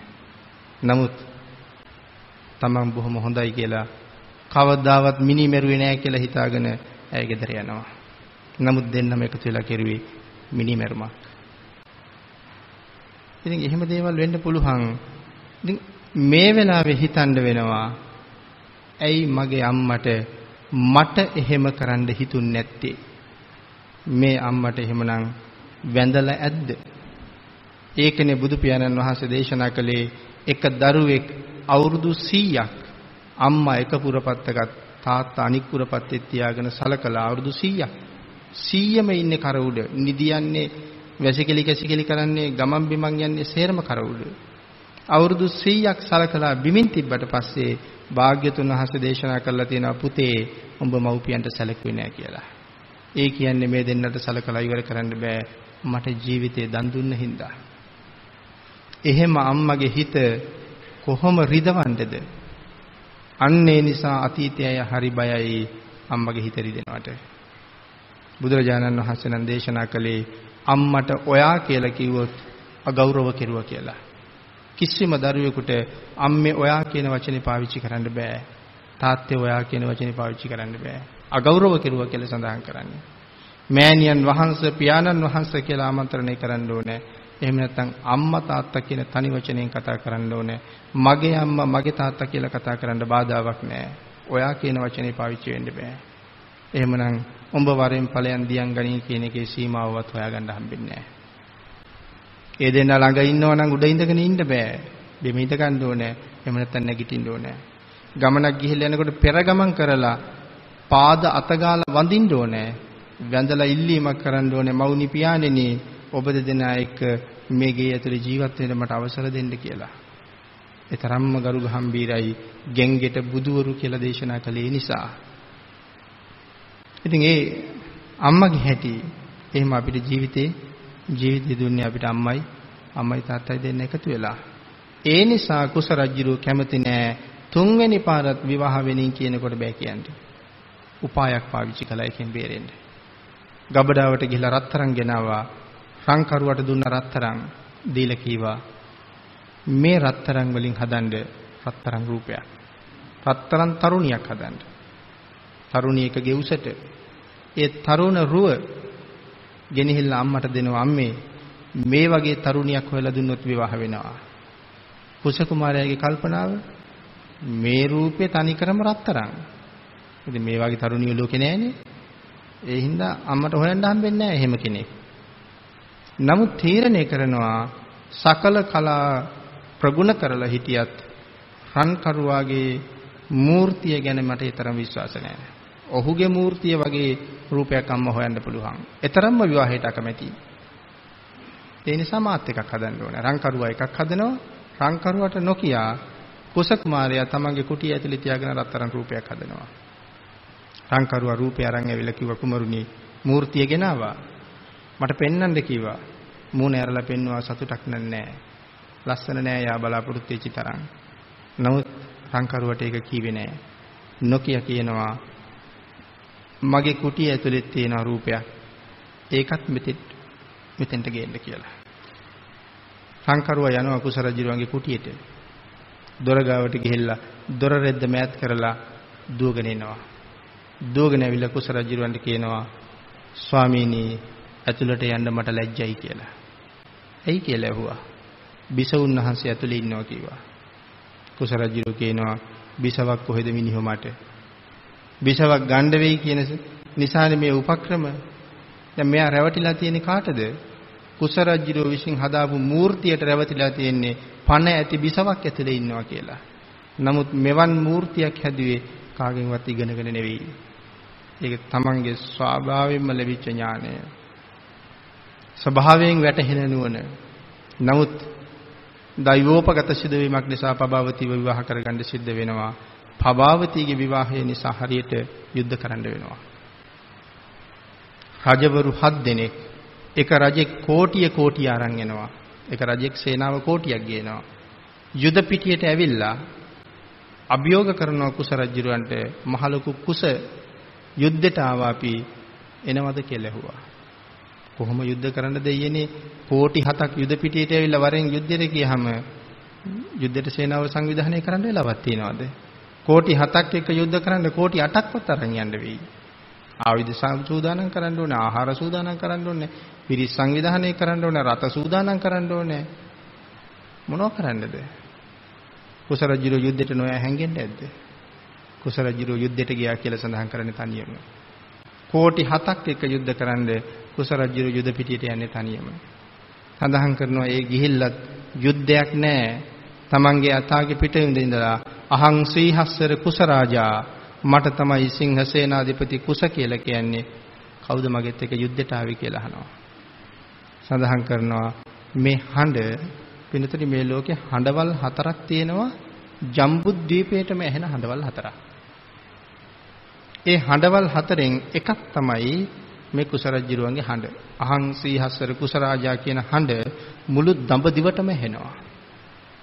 අර සේනාව යුද්ධයක් නෑ හිස් ලූලු අත ආපු පැත්ත අමතක වෙලා පලා දිව්වා කියලා සඳහන් කරගෙන පලා ගියා කියලා. ඒ වෙලාවේ කුස රජුරු යතාගේ පිටෙන් බැහැලා පිටිපස්සෙන් එළවලා රජවරු හත් දෙනා අල්ලගෙන එකට අරන් ඇවිල්ලා තමන්ගේ රාජ්‍යය ගැට ගහලා තිබ්බා කියලා සඳහන් කරනවා. එහෙමනම් කුස රජුරුවත් කාගෙන්වත් ඉගෙන ගත්තේ නැතිනම් කොහෙද සිද්ධාර්ථ කුමාරයා ඉගෙන ගන්නේ? සිද්ධාර්ථ බෝසතාණන් වහන්සේ ඉපදිලා කියලා අසිත කාලදේවල කියන පංච අභිඥා අෂ්ට සමාපත්තිලාභියට ආරංචි වුණා. මහා කල්ප අසංඛ්‍ය 40ක් මහා කල්ප 40ක් ආපහු පේනවා. මේ අසිත කාලදේව ඍෂිවරයාට මහා කල්ප 40ක් පිටිපස්සට අනුස්මරණය කරන්න පුළුවන්කම තියෙනවා. මෙයාට ආරංචි වෙනවා. අසිත කාලදේවල කියන්නේ සුද්ධෝදන රජුගේ ගුරුවරයා. මේ වෙලාවේ ඇවිල්ලා රජුරවන්ට කියනවා මහරජ පුතෙක් උපන්නලු නේද? රජුරෝගෙට දුවලා ගිහිල්ලා තුරුල් කරගෙන අරගෙන මගේ පුතේ මේ මහා ඍෂිවරයා ඔබ දකින්න අද ගෙදර ඇවිල්ලා. අසිත කාල දේවල කියන්නේ එසේ මෙසේ කෙනෙක් නෙමෙයි. මනුස්ස ලෝකෙන් දවල්ට කෑම කාලා විවේක ගන්න තවතිසාවට යන කෙනෙක්. හැන්දෑවේ තවතිසාවෙන් බහැලා මනුස්ස ලෝකෙට එන කෙනෙක්. තාත්තා තුරුල් කරගෙන ඇවිල්ලා කාලදේවල තාපසතුමාට දක්වනවා වැඳපන් මගේ පුතේ වැඳපන් කියලා පාත් කරන්න ලෑස්ති වෙනකොටම දෙපය තමයි කැරකිලා ගිහිල්ලා නලල් තලයේ වදින්නේ. තාපසතුමා බැලුවා මොකද එහෙම වුනේ කියලා. තාත්තට හිතුණා මගේ පුතාට පුදුම පාප කර්මයක් සිද්ධ වුණා. සමාව ගනින් සමාව ගනින් කියලා සුද්ධෝදන රජුව පාත් වෙනවා සිද්ධාර්ථ කුමාරයා අරගෙන අසිත කාල දේවල තාපසතුමා නැගිටිනවා මහරජ මහරජ මම මරන්න එපා මහරජ කියාගෙන අසිත කාල දේවල තාපසතුමා ආසෙන් නැගිටිනවා නැගිටලා ඉසලින්ම බෝසතාණන් වහන්සේ අරගෙන ආසනිය උඩ තියලා කාලදේවල තාපසතුමා එතනම දන ගහලා බෝසතාණන් වහන්සේට වඳිනකොට සුද්ධෝදන රජුරවන්ට අදාහ ගන්න බැරුව යනවා වෙන සිදුවීම මොකද්ද කියලා කාගෙන්වත් ප්‍රශ්න ඇහුවේ නෑ. පළවෙනි වතාවට සිද්ධාර්ථ කුමාරයාගේ තාත්තා සිද්ධාර්ථ කුමාරයා ගාව දන ගහලා වඳිනවා. නම් පුංචිම කාලෙත් මෙහෙමයි. එහෙමනම් උන්වහන්සේට ශිල්ප දෙන්න කෙනෙක් ලෝකේ නෑ. අවුරුදු 29ක් ගිහි ගෙදර ජීවත් වුණා. අවුරුදු 29ක් කාමභෝගී ජීවිතයක් ගෙවුවා. රජ්ජුරුව ලෝකෙ දුක පේන්න තිබ්බේ නෑ. ඒ වෙලාවේ දෙවියන් කල්පනා කළා දැන් ගිහි ගෙදර හිටියා හොඳටම ඇති. එක දවසක් උයනට යනකොට ලෙඩෙක් ඇවිල්ලා පාරම අයිනේ හිටියා. අනිත් දවසේ යනකොට මහල්ලෙක් අනිත් දවසේ යනකොට මලමිනියක් අනිත් දවසේ යනකොට පැවිදිරුවක් මේ නිමිති තුන පෙන්නලා ඊළඟ දවසේ සතුටක් උපදින දර්ශනයක් පෙන්වුවා. මේ දෙවියෝ පෙන්වන්නේ මේවා. අන් හැම දවසකම ආපහු ගියා. හතරවෙනි දවසේ උයනට ගියා ආපහු. මොකද කවදාවත් මේ ලෙඩ වෙනවා මැරෙනවා කියන එක දැකලා තිබෙන්නේ නැහැ, දන්නේ නැහැ. ඒ තරම්ම සැප තිබුණේ. ග්‍රීෂ්ම කාලේට හිටපු මාලිගාව විතරක් තට්ටු පහයි කියලා සඳහන් කරන්නේ. මේ මාලිගාවේ ජීවත් වෙච්ච ජනගහනය 196000ක් එක ගෙයක් ඇතුලේ ජීවත් වෙච්ච ජනගහනය 196000ක් කියලා අපි කොහොමද හිතන්නේ? අපිට සැක උපදිනවා ඒකයි මම කිව්වේ අතීතයේ දිනුව ගැන අපිට හැරිලවත් බලන්න බෑ කියලා. සඳහන් කරනවා මේ 196000ම සිද්ධාර්ථ කුමාරයා 16 වයසේ මේ මාලිගාවේ ඉන්නකොට මේ 196000ම තරුණියෝ මේ තරුණියෝ 196000ම 16 වයසේ මේ ඔක්කොම යසෝදරා දේවීන් වහන්සේගේ පරිවාර කාන්තාවෝ මාගන්ධිය බමුණට කියනවා බ්‍රාහ්මණය මන්තරම් පංචකාම සම්පත් විඳපු කෙනෙක් ලෝකේ නෑ. නමුත් මාගන්ධිය ඔය පංචකාමයේ ඇතුලේ සැප කියලා මාත්‍රයක් නෑ කියලා. මම විදලා අත්දැකලා කියන්නේ බ්‍රාහමණය මේක. තියෙනවා පංචකාම ලෝකේ සැප. සැප කියලා දෙයක් මේ ලෝකේ අපි දකින්න නැත්නම් දුක කියන එක අර්ථවත් වෙන්නේ නෑනේ. දේවදත්ත කියලා චරිතයක් තිබුණේ නැත්නම් සම්මා සම්බුද්ධ වහන්සේගේ අති උත්තම භාවය නැగిලා හිටිලා පේනවා අඩුයි. දේවදත්තට දක්වපු කරුණාව මෛත්‍රියෙන් බුදු කෙනෙකුට හැර කාටද මෙහෙම මෛත්‍රිය දක්වන්න පුළුවන් කියලා මිනිස්සුන්ට හිතෙනවා. එහෙමනම් මේ ලෝකේ සැප කියලා දෙයක් පේන්නේ නැත්නම් දුක කියන එක අර්ථවත් වෙන්නේ ඒ නිසා අපිට සැපක් තියෙනවා. අපේ සැප ඔක්කොම తాවකාලිකයි. ඒ නිසා දේශනා කළා తాවකාලිකව සැපයි හැබැයි දීර්ඝකාලීනව දුකයි කියලා. හිතලා බලන්න. ඒ නිසා මාගන්ධිය බ්‍රාහ්මණයට කියනවා මාගන්ධිය මේ මිනිස්සු ඇහෙන් කනින් නාසයෙන් දිවෙන් ශරීරයෙන් මනසින් අරමුණු අරගෙන විඳින සැප කොයි වාගේ සැපද කියලා දේශනා කරනවා. එක උදාහරණයක් විතරක් සඳහන් කළොත් මාගන්දියට පැහැදිලි කරපු අපේ ඇඟේ හැදෙනවා පින්නතුනි තුවාලයක්. මේ තුවාලේ ටික දවසක් යනකොට වේලෙනවා. හොඳ වෙන්න එනවා. වේලීගෙන එන තුවාලේ ඇඟිල්ලෙන් වටේට අත ගන්නකොට මොනවද අපිට දැනෙන්නේ? සුවයක් දැනෙනවා. තුවාලේ වටේට අත ගන්නකොට සුවයක් දැනෙනවා. භාග්‍යතුන් වහන්සේ මාගන්ධියට පැහැදිලි කරනවා මාගන්ධිය මේ මිනිස්සු මේ පංචකාම ලෝකේ විඳින සැප තුවාලයක් වටේට නිය අගින් කහනකොට දැනෙනවා නම් සැපයක්. අන්න ඒ වාගේ සැපයකට තමයි මිනිස්සු මේ වහල් වෙලා ඉන්නේ කියලා. කාලා බීලා නටලා උඩ පැනලා සින්දු කියලා මේ ලෝකේ කරන්න පුළුවන් හැම දෙයක්ම කරලා හොයන සැප කොයි වාගේ එකක්ද? තුවාලයක් වටේට නියාගෙන් කහනකොට දැනුන සැපයක් වාගේ සැපයක් වෙනුවෙන් තමයි මේ ජීවිතය යට කරලා තියෙන්නේ මාගන්ධිය පංචකාමයේ අතහැරලා ගියපු මට ප්‍රථම ධාන සෝය ඉපදුනා ප්‍රථම ධාන සෝය කියන එක දිව්‍ය ලෝක සෝයට වඩා උතුම් මාගන්ධිය කියලා පැහැදිලි කළා.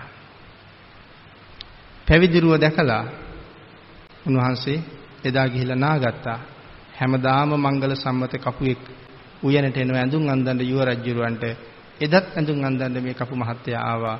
හැබැයි ඇඳුම් අන්දන අතරේ බෝසතාණන් වහන්සේට දැනෙනවා අද ඇඳුම් අන්දන්නේ වෙන ඇඳුම් අන්දපු කෙනා නෙමෙයි කියලා.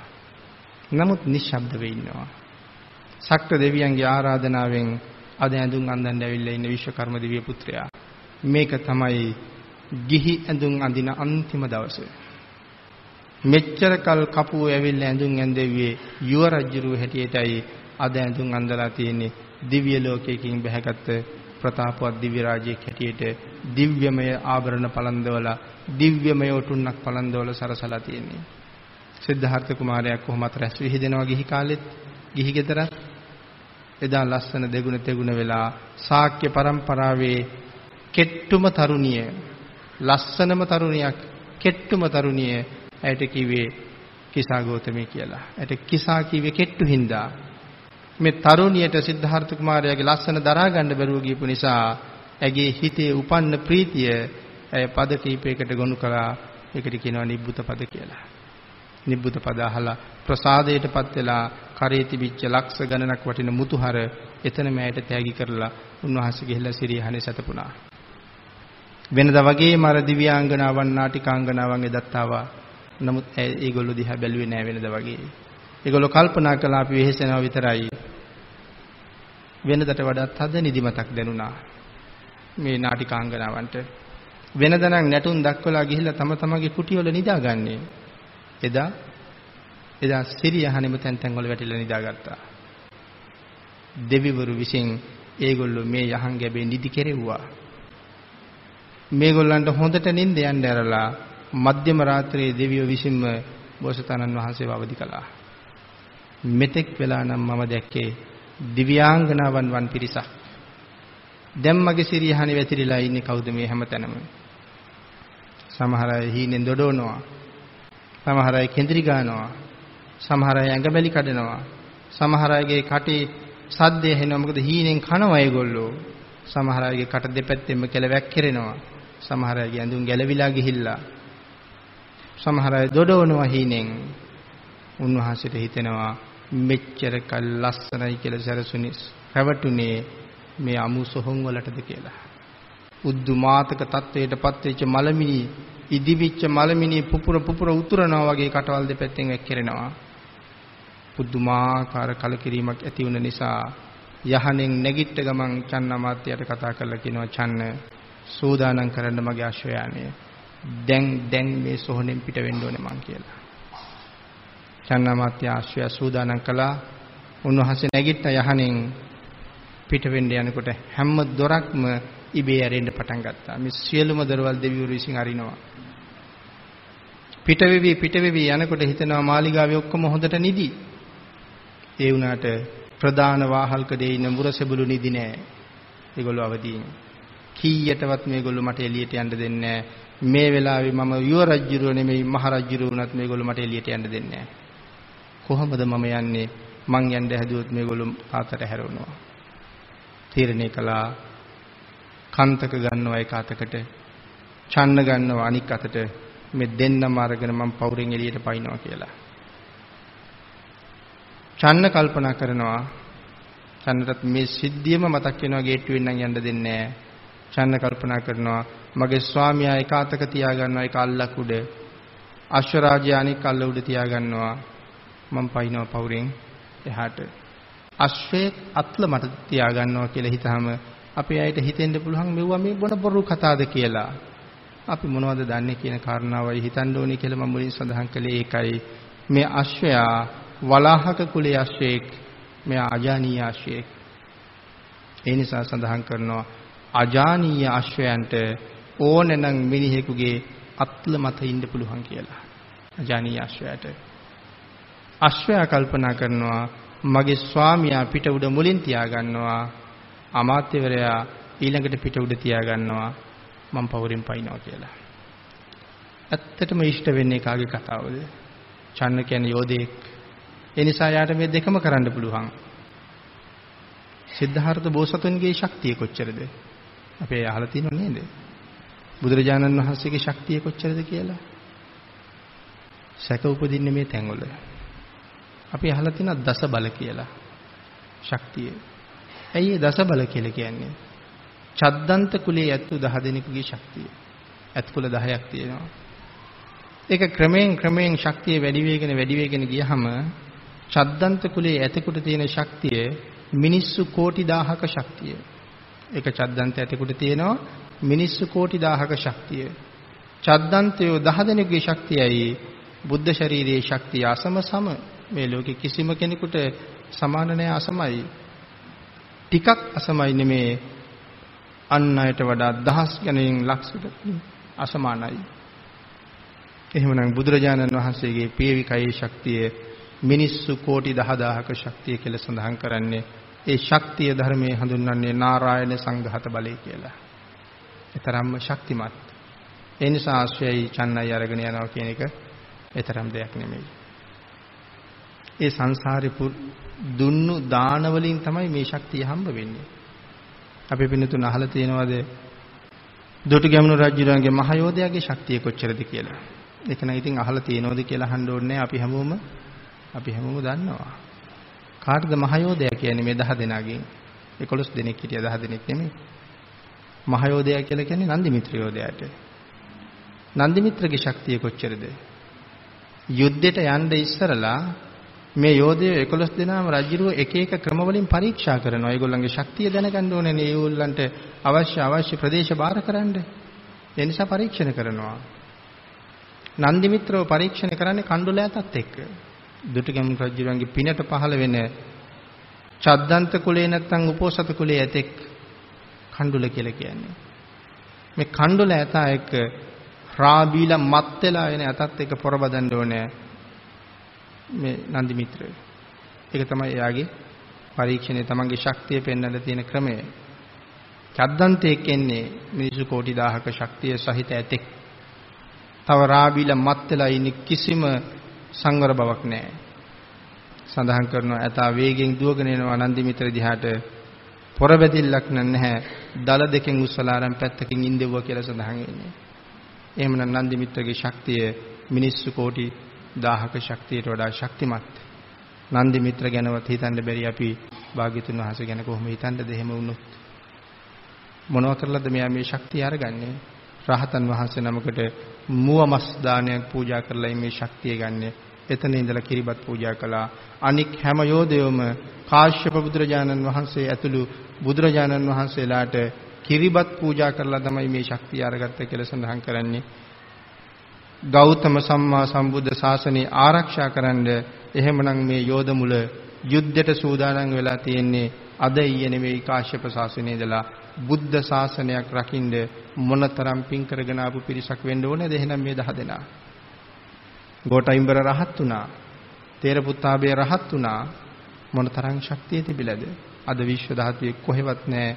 උන්වහන්සේලා නිමිලා සැනසීලාම ගියා. සංසාරේ ඒ තරම් පින් කරගෙන ආපු ආපු අය මේගොල්ලෝ. එහෙමනම් භාග්‍යතුන් වහන්සේගේ ශක්තිය එහෙමයි. කෙසේ වෙතත් කන්තක චන්නාමාත්‍යත් බෝසතුනුත් අරගෙන වාහල් කඩින් එහාට එහාට පයින්නවා. රාජ්‍යයන් තුනක් පහු කරන්න ඕන යොදුන් 30 ගානක මාර්ගයේ සතපුම් හැටියට කල්පනා කළොත් 70ක්ම 370ක් වගේ දුරක් අනුමා නදිය ගාවට ගමන් කරන්න ඕනේ.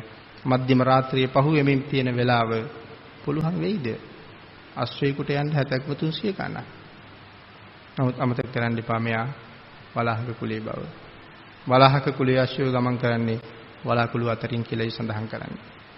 ඒ නිසා බෝසතාණන් වහන්සේත් අරගෙන සමහර ලාවට කන්තකාශ්‍යයා පියාඹලා ගියා වෙන්න පුළුවන් චද්දන්තු කුලියා අජානීය ආශ්‍රයෙක් ඔහුට ඒ තරම් ජව සම්පන්නයි. බය වෙහෙස දෙන්නේ නැහැ අජානීය ආශ්‍රයන්ට එහෙම ලේසියෙන්. නමුත් පෞරෙන් එළියට පැනපු තැන ඉඳලා නේ අනෝමා නදිය දක්වා ලක්ෂ ගණන් කෝටි ගණන් පහන් දැල්වෙනවා පාර දෙපැත්තේ. පහන් වලට මැද්දෙන් සුදු වෙලි අතුරලා තියෙනවා මල් පෙති ඉහලා තියෙනවා පුන්කලස් තියලා තියෙනවා තොරන් බැඳලා තියෙනවා සුවඳ විහිදෙනවා. කවුද මේ? තනියම වැඩියද? අම්මගේ කුස ඇතුලේ ඉඳලා රැක්කනම් කවුරුවත් උන්වහන්සේ ගාව නොහිටියට දෙවිවරු උන්වහන්සේ අතහැරලා අතහැරලා නැහැ. එදා නිදි කෙරෙව්වෙත් කල්තියන් දෙවිවරු අර කාන්තාව නිදි කෙරෙව්වෙත් දෙවිවරු උන්වහන්සේට අවදි කෙරෙව්වෙත් දෙවිවරු ඒ අවදි කෙරෙව්වේ පාර හදාගෙන ඔබ වහන්සේ බුද්ධත්වයට යන්න කියන පාර හදලා අවදි කළේ. මේ මාර්ගයෙන් ගමන් කරලා අනෝමා නදියෙන් එහා පැත්තට ගිහිල්ලා පැවිද්දෙකුට කවදාවත් ගැලපෙන්නේ නැහැ කෙස්. ඒ නිසා තමන්ගේ මංගලාසිපත අරගෙන කෙස් වැටිය අල්ලලා කැපුවා. කපල තීරණය කළා. මම පිට වුණේ බුදු වෙන්න බුදු බව ලැබෙනවා නම් මේ කෙස් කවදාවත් බිම වැටෙන්නේ නැහැ. කියලා අහසට විසි කරනකොට යොදුනක් පමණ ඉහළ අහසට මේ කෙස් ඇදිලා ගිහිල්ලා නතර වුණා කියලා සඳහන් කරනවා. ඒත් සමගම සක්‍ර දේවේන්ද්‍රයන් වහන්සේ සතපුම් 10කට වඩා දිග ඝන රත්තරන් කරඬුවක් අරගෙන ඇවිල්ලා මේ කෙස් ටික ඒ කරඬුව ඇතුලේ තැම්පත් කරගෙන හැතක්ම 10කට වඩා දිගයි යොදුනක් උසයි කියලා සඳහන් කරන්නේ මේ කරඬුව. ඒ කරඬුවේ තැම්පත් කරගෙන අරගෙන ගිහිල්ලා සිළුමිනි නමින් සෑයක් හදලා තව්තිසාවේ අදත් තැම්පත් කරගෙන මේ දැනුත් ඒ දෙවිවරු වඳිනවා මේ සෑයට. කෙස් වැටිය කපලා අයින් කළා ගටිකාර මහා බ්‍රහ්ම රාජයා අරගෙන එනවා අෂ්ටපරිස්කාරයේ. තමන්ගේ පෙර සංසාරේ කල්යාණ මිත්‍රයා. මොකද්ද ඕක කියලා ඇහුවා ශ්‍රමණ පරිස්කාරය කිව්වා. ශ්‍රමණෙක් බවට පත් වෙන්න මේ සලු ඇඳගන්න කියලා කිව්වා. ඒ අෂ්ටපරිස්කාරය ලිහලා ඒ සලු සංගල ඇඳලා පොරව ගත්තා. ඉනේ එතෙක් ඇඳලා හිටපු ගිහි වස්ත්‍ර දෙක එදා විශ්වකර්ම දිව්‍ය පුත්‍රයා අඳපු ඇඳුම් දෙක ගලවලා අතර ගත්තා. මට ලෞතුරා බුදු බව ලැබෙන බව සත්‍ය නම් මේ සලු සංගල බිම වැටෙන්නේ නැහැ කියලා අහසට විසි කරනකොට යොදුනක් තරම් ඉහළට ඇදිලා යනකොට දෙව්ලොවින් චුත වුණා මහා බ්‍රහ්මයා සතපුම් 30කට වඩා උසයි යොදුන් 3යි කියලා සඳහන් කරන්නේ ඝන රත්තරන් කරඬුවකින් සලු සංගල අරගෙන ගිහිල්ලා අදත් සලු මිනිසෑය නම් සෑයක් බඹලව හදලා වන්දනාමාන කරනවා. උන්වහන්සේ අනුපියාඹ වනයේට වැඩලා දවස් කීපයක් විවේක අරගෙන හත්වෙනි දවසේ රජගහ නුවරට වැඩියා. මිනිස්සුන්ට අදහ ගන්න බෑ. දෙතිස් මහා පුරුෂ ලක්ෂණ වලින් යුක්තයි. 80 අනු ව්‍යංජන ලක්ෂණ 216ක් මංගල ලක්ෂණ ශරීරයෙන් රැස් විහිදෙනවා මේ දිලිසෙන තවුසා කවුද කියලා හිතුණා. දිලිසෙනවා කියලා කියහම මිනිහෙක් දිලිසෙයිද? බුදුරජාණන් වහන්සේගේ පාට පාට රත්තරන් පාටයි. ඒ කියන්නේ අපි ගාව තියෙන රත්තරන් වල පාටද? අපි ගාව තියෙන රත්තරන් වල පාට නෙමෙයි. ලෝකේ හැබෑම රත්තරන් වලට කියන්නේ මොනවා කියලාද? ලෝකේ හැබෑම රත්තරන් වලට කියන්නේ ජාත රූප කියලා. ජාත රූප තියෙන්නේ මහ මුහුදේ. ජාත රූප ගොඩ බිමේ නෑ. අපි ගාව තියෙන රත්තරන් රත්තරන් වගේ જાතියක් මිසක් සැබෑ රත්තරන් නෙමෙයි. ලෝකයේ අති දක්ෂ පුද්ගලයෝ සාගරයේ කිමිදිලා අදත් ජාත රූප ගොඩ ගන්නවා කියලා සඳහන් කරනවා. ඉන්දියාව කියන රටේ අදත් ජාත රූප තියෙන බවත් සඳහන් කරනවා. එහෙමනම් තාමත් භාග්‍යතුන් වහන්සේගේ වර්ණය ලෝකේ තියෙනවා.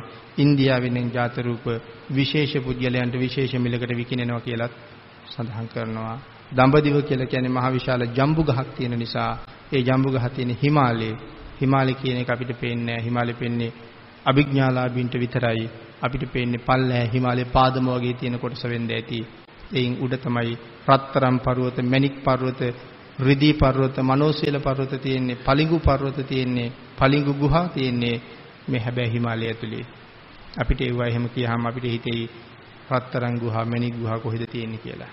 ඒ සියල්ල තියෙන හිමාලයේ ඔබ අභිඥා ලැබුවොත් මේ ජීවිතේ ඔබට මේ සියල්ල දැක ගන්න පුළුවන් වෙවි.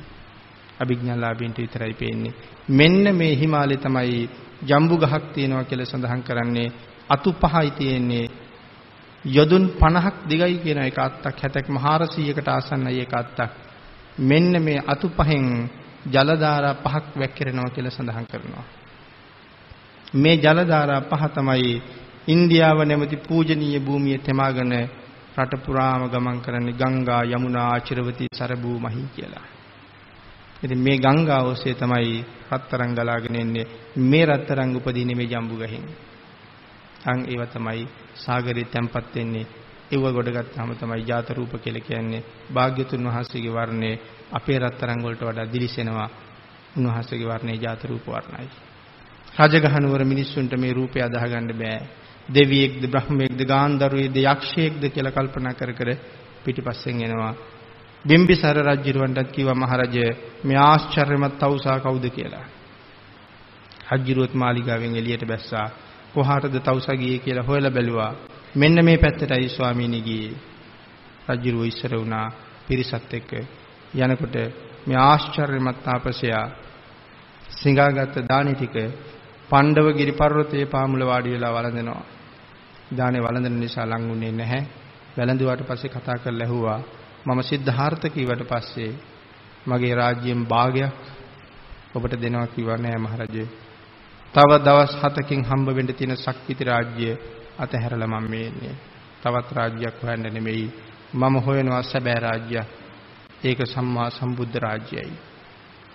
කුමරුනි ඔබට ලෞතර බුද්ධත්වයේ ලැබුණට පස්සේ ඉස්සරලම වඩින්න මගේ රාජ්‍යයට බුදු වෙන්න කලින් බිම්බිසාර රජු ආරාධනාවක් දෙනවා. පිළිගන්නවා ආරාධනාව. එදා මාලිගාවෙන් පිට වෙන වෙලාවේ මාර දිව්‍ය පුත්‍රයා ඇවිල්ලා කියනවා සිද්ධාර්ථයයි යන්නේ. තව දවස් 7කින් ඔබ සක්විති. සිද්ධාර්ථ අඥාන වෙන්න හදනවද? යන්න එපා සිද්ධාර්ථ මේ සැප දාලා කිව්වා. මාරයට කිව්වා මට ඒ කාම සම්පතේ යල්මක් ඇත්තෙම නැහැ. ඔබේ වැඩක් ඔබ බලාගන්න මගේ ගමන මට යන්න ඉඩ දෙන්න කියලා පිට උනේ මාර්යා එදා තීරණය කළා කමක් නැහැ සිද්ධාර්ථ. රාගසිත නැහැ කීවනේ. මම ඉන්නව ළඟට වෙලා. දූවිලි අංශුවක තරම් රාග මාත්‍රයක් පහළ වුණොත් සිද්ධාර්ථ එදාට මම ඔබට කතා කරනවා කියලා මාර්යත් පිටිපස්සෙන් එනවා. උන්වහන්සේ ක්‍රමක්‍රමයෙන් ගුරුවරු හොයාගෙන ගියා.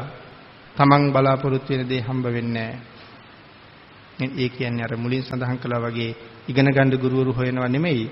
එදා සමාජයේ අභිඥාලාභීන් හිටියා. ඒ අභිඥාලාභීන් ළඟටයි ගියේ. ඒ නිසා තීරණය කළා මේ ශරීරයට දැඩි දුක් දෙන ප්‍රතිපත්තිය මට මගේ නිවන හොයන්න ගැලපෙන්නේ නමුත් මේගොල්ලෝ ගාව තියෙන අභිඥා වලින් මට ඒ නිවන හොයන්න බෑ. එදා ඉන්දියාවේ ශරීරයට දුක් දෙන එක ප්‍රචලිතයි. ඒ නිසා තමයි තනියම නිවන හොයනවා කියලා දුර්ගේශ්වරී කියන කඳු වැටියට ගිහිල්ලා උන්වහන්සේ ආහාර ක්‍රමක්‍රමයෙන් වර්ජනය කර කර අවුරුදු 6ක් දුෂ්කර ක්‍රියා කළා. මේ අවුරුදු 6ම මාර්යා ළඟට වෙලා ඉන්නවා. අවුරුදු 6ක් දුෂ්කර ක්‍රියා කරලත් උන්වහන්සේට ඒක ලැබුණේ ලැබුණේ නැහැ. ඊට පස්සේ තීරණය කළා මේ අත්ත කිලමුතාණු යෝගයෙන් කවදාවත් නිවන් හොයන්න බෑ. තීරණය කළා මම යන්න ඕනේ මධ්‍යම ප්‍රතිපදාවට. මධ්‍යම ප්‍රතිපදාවෙන් ආහාර ගන්නකොට නැවත අර ලස්සන මතුවෙන්න පටන් ගත්තා.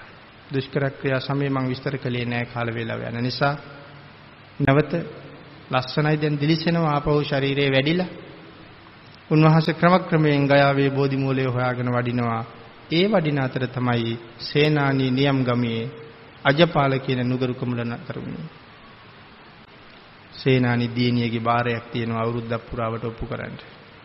මේ බාරය ඔප්පු කරන්න දරුවා ඉපදිච්ච දවසේ ඉඳලා අවශ්‍ය දේවල් සූදානම් කළා. අවුරුද්දක් ලෑස්ති වෙනවා කිරිබත උයන්න. එළ දෙන්නු 1000ක් අරගෙන විශේෂ එළ දෙන්නේ. මේ එළ දෙන්නු 1000ට කැම කවන්නේ වැල්මී වනාන්තරයක. නිකන් තනකොළ කැවුවා නෙමේ. වැල්මී සමග තනකොළ කණ්ඩ දෙන්නේ. ඒ 1000 කාලෙකදී දෙකට බෙදලා එක 500ක් වැල්මී සහිත තනකොළ කාලා ගඟෙන් වතුර බොනවා. අනික් 500 වැල්මී සහිත තනකොළ කාලා අර 500 දෙනාගෙන් දවාගත්ත කිරි බොනවා. එක 500ක් වතුර බොනවා, එක 500ක් කිරි බොනවා. පස්සේ කිරි බොන 500 දෙකට බෙදනවා. දැන් මේ 500ට කිරි දෙන්නේ කිරි බීලා හැදිච්ච 500ක්මයි. ඒ 500 125කට බෙදනවා. ඒක එහෙම බෙදාගෙන බෙදාගෙන ඇවිල්ලා 14කට එනවා. 14 දෙකට බෙදලා මේ හත් දිනකගෙන් කිරි දෝලා අනික් හත් දිනාට පෝලා ඒ හත් දිනාගෙන් කිරි දෝලා තමයි මේ කිරිබතට කිරි ගන්නේ. එහෙම කිරි අරගෙන මෙයා කිරිබත හදන්න ලැහැත්තිය ආරංචි වුණා රුක්ෂ දේවතාවා ගහමුලටම වැඩල බව. රාත්‍රිය පුරාම මේ කිරිබත හැදෙනවා සඳහන් කරනවා සේනානි දියණිය කිරිබත ලිපේ තිබ්බා. එතන ඉඳලා සක්‍ර දේවේන්ද්‍රයන් වහන්සේ ගිනි මෙලෙව්වා කියලා. නමුත් ඒ බව සුජාතාවට පේන්නේ මහා බ්‍රහ්ම රාජයා කිරිබත දිහලින් ඡත්‍රය අල්ලගෙන හිටියා කියලා සඳහන් කරනවා. සුජාතාව බැඳපු වියනක් තියෙන්න ඇති. නමුත් මහ බඹගේ චත්‍රයත් එතන එතන තියෙනවා. එළි වෙනකොට මුළු රාජ්‍යම සුවඳවත් කරමින් මේ කිරිබත ඉදෙනවා. ඒ තරම් සුවඳයි. සඳහන් කරනවා කිරි පැහෙනකොට දක්ෂිනාවර්තව කිරි කැරකෙවි කැරකෙවි කරකෙවි තමයි පැහෙන්නේ. එක කිරි බිඳුවක් එළියට විසි වෙන්නේ නැහැ කියලා.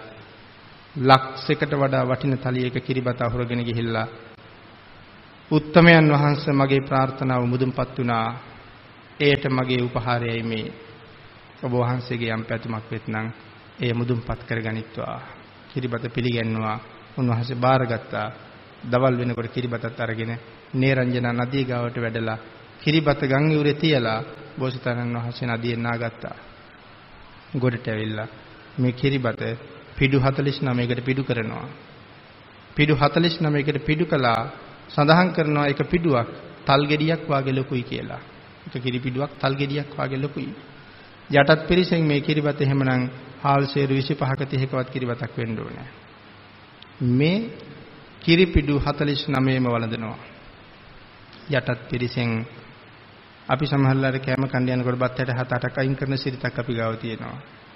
එහෙම ටිකක්වත් මාළුවෙක් සඳහාවත් ngකට දැම්ම කියලා සඳහනක් සඳහනක් නැහැ.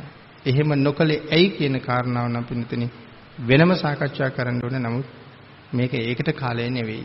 ඒ නිසා එක කිරි පිඩුවක්වත් ඉවත් කරන්නේ නැහැ. කිරි පිඩු 49ම 49ම වළඳනවා. දැන් තලිය විතරයි යතේ ලක්ෂ ගාණක් වටින තලිය මේක අරගෙන බුදු වෙන්න යන්න නෙවෙයි. තීරණය කළා දැන් හොඳටම දන්නවා බුදු වෙන බව නිමිති දැකලා සිහින දැකලා තහවුරු වෙලා තියෙන්නේ. අන්තිම පරීක්ෂණයක් කරනවා නේරංජන නදී වතුර වේගෙන් පල්ලෙහාට ගලනවා.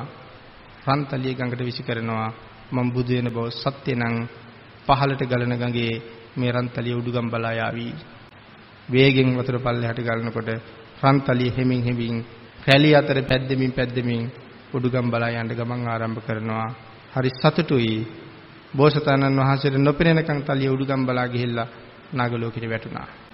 නාගලෝකෙට වැටෙනකොට සද්දය වුණා. මේ රන්තලි කීපයක් එකට ගැටෙනවා එක උඩ එක වැටෙන්නේ.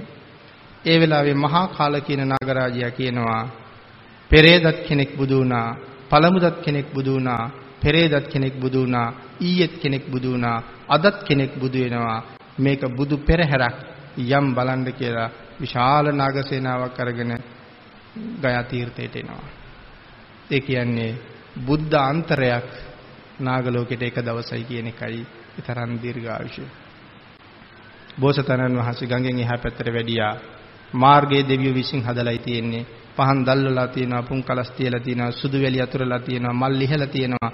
දිව්‍යමය සුවඳින් පෙරේ ප්‍රදේශයේම සුවඳවත් වෙනවා. මාරයත් තාමත් පිටිපස්සෙන් එනවා. රාග සහිත සිතුවිල්ලක් හොයාගෙන මේ අතර සොත්තිය කියන බමුණ කුසතන මිටි 8ක් දුන්නා. ඒ අරගෙන බෝධි මණ්ඩලයට ගිහිල්ලා තුන් වතාවක් බෝධි මූලයේ ප්‍රදක්ෂිනා කළා.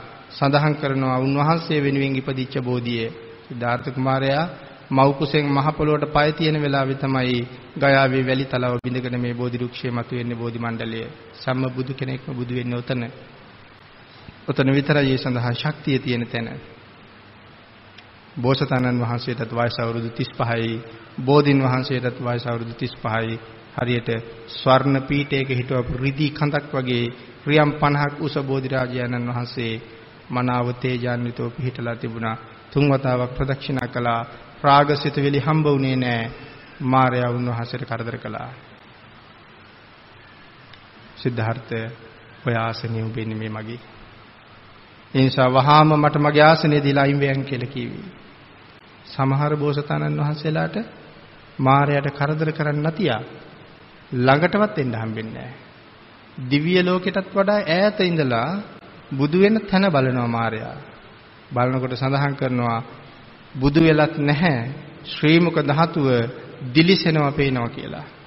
මාර්යා එහෙම්ම මාක බලාගෙන පලා යනවා කියලා සඳහන් කරන්නේ සතපුම් කෝටි ගණනකින්වත් ළඟට එන්න ශක්තිය නැහැ. ඒ වුණාට අපේ බුදුරජාණන් වහන්සේ ළඟට මාර්යා ඇවිල්ලා අභියෝග කෙරුවා. ඇයි අභියෝග කෙරුවේ? බලන්න සංසාරي කොහොමද කියලා.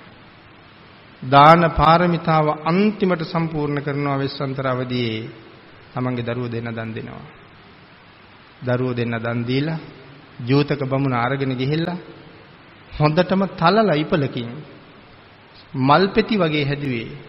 යනකොට අඬ අඬා ගියේ ජාලිය කුමාරයා අහනවා තාත්තේ සමම්පිච්ච මල් උඩ නිදි කරවලා සුවඳ පැන් වලින් නාව නාව අපි දෙන්න හැදුවේ අම්මා නැති වෙලාවක මෙහෙම දුකක් දෙන්නද හැදුවේ කියලා අහහ යන්නේ. රජු පස්සේ නම් බුදුරජාණන් වහන්සේ සරියුත් මහරහතන් වහන්සේට සඳහන් කරනවා සාරිපුත්තේ මං ආදරේ නැති තාත්තා කෙනෙක් කියලා හිතයි. නමුත් සාරිපුත්ත මගේ පුතා එදා එහෙම අහනකොට වෙස්සන්තර රජුරුවන්ගේ අස් දෙකෙන් කඳුළු වෙනුවට වැක්කුරුනේ ලේ කියලා. ඒ තරම් දාරක සෙනෙහසක් තිබුණා. ජූතක බමුණගෙන් ගුටි කාලා ගුටි කාලා දරුවෝ දෙන්න ආපහු දුවගෙන ඇවිල්ලා තාත්තගේ කකුල් දෙක උඩ වැඳිලා කීවා අපි දෙන්න බේරගන්න කියලා. ඒ වෙලාවේ විශේෂයෙන් දුව දුව අඬ අඬා ප්‍රකාශයක් කරනවා තාත්තට ඇයි තාත්තේ අපිට මෙහෙම කෙරුවේ කියලා. සඳහන් කරනවා ඒ වෙලාවේ නම් දාරක සෙනෙහස වැඩි නිසා හිතුණා කියලා.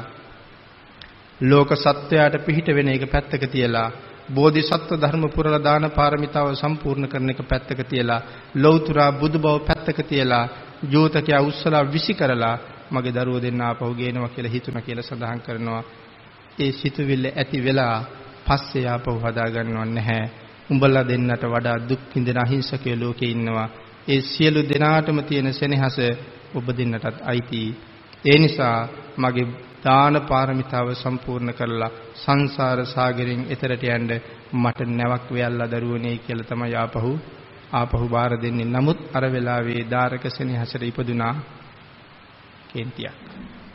අන්න ඒ කේන්තියේ ප්‍රතිඵලය නිසා තමයි මායя ඇවිල්ලා කරදර කරන්නේ.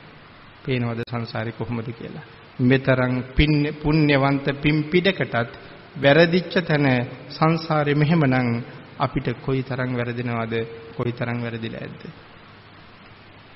උඹට අයිති නෑ ඔය ආසනය කියලා කියහම සාක්ෂි තියනවද කියලා බෝසතාණන් වහන්සේ අහුවා දස දහසක් සක් වලින් ආපු කෝටි 100කට වඩා මාර පිරිස කෑ ගහලා කියනවා අපි සාක්ෂි කියලා සක්වල හෙල්ලෙනවා කෑ ගහනකොට. ඒ වෙලාවේ මාරයා ආපහු අහනවා සිද්ධාර්ථ ඇහුණද කියලා. තියෙනවද ඔබටත් සාක්ෂි කියලා ඇහුවා. ඒ වෙලාවේ තමයි කල්පනා කළේ මහා සාගරයේ ජලයට වැඩිය ලේ දන් දුන්න බව සත්‍යයි. මහ පොළොවේ පස් වලට වැඩිය මස් දන් දුන්න බව සත්‍යයි. ඔටුනු පලං හිස් දන් දුන්න බව සත්‍යයි. දරු පැටවු කෝටි ගණන් දන් දුන්න බව සත්‍යයි. අහසේ පායන තරු වලට වැඩිය දන් දුන්න බව සත්‍යයි. මට මට සාක්ෂි නැද්ද කියලා හිතනකොට මහ පොළොව වෙවුලුවා කියලා සඳහන් කරනවා. ඒ වෙවුලන වේගෙට වසවර්ති මාරයාගේ හස්තියා මාරයාගේ පිට හොලවලා මාරයා විසි කරලා ගිරිමේකලා පැනලා දුවනකොට අනික් සියලුම මාර පිරිස පැනලා දීවා.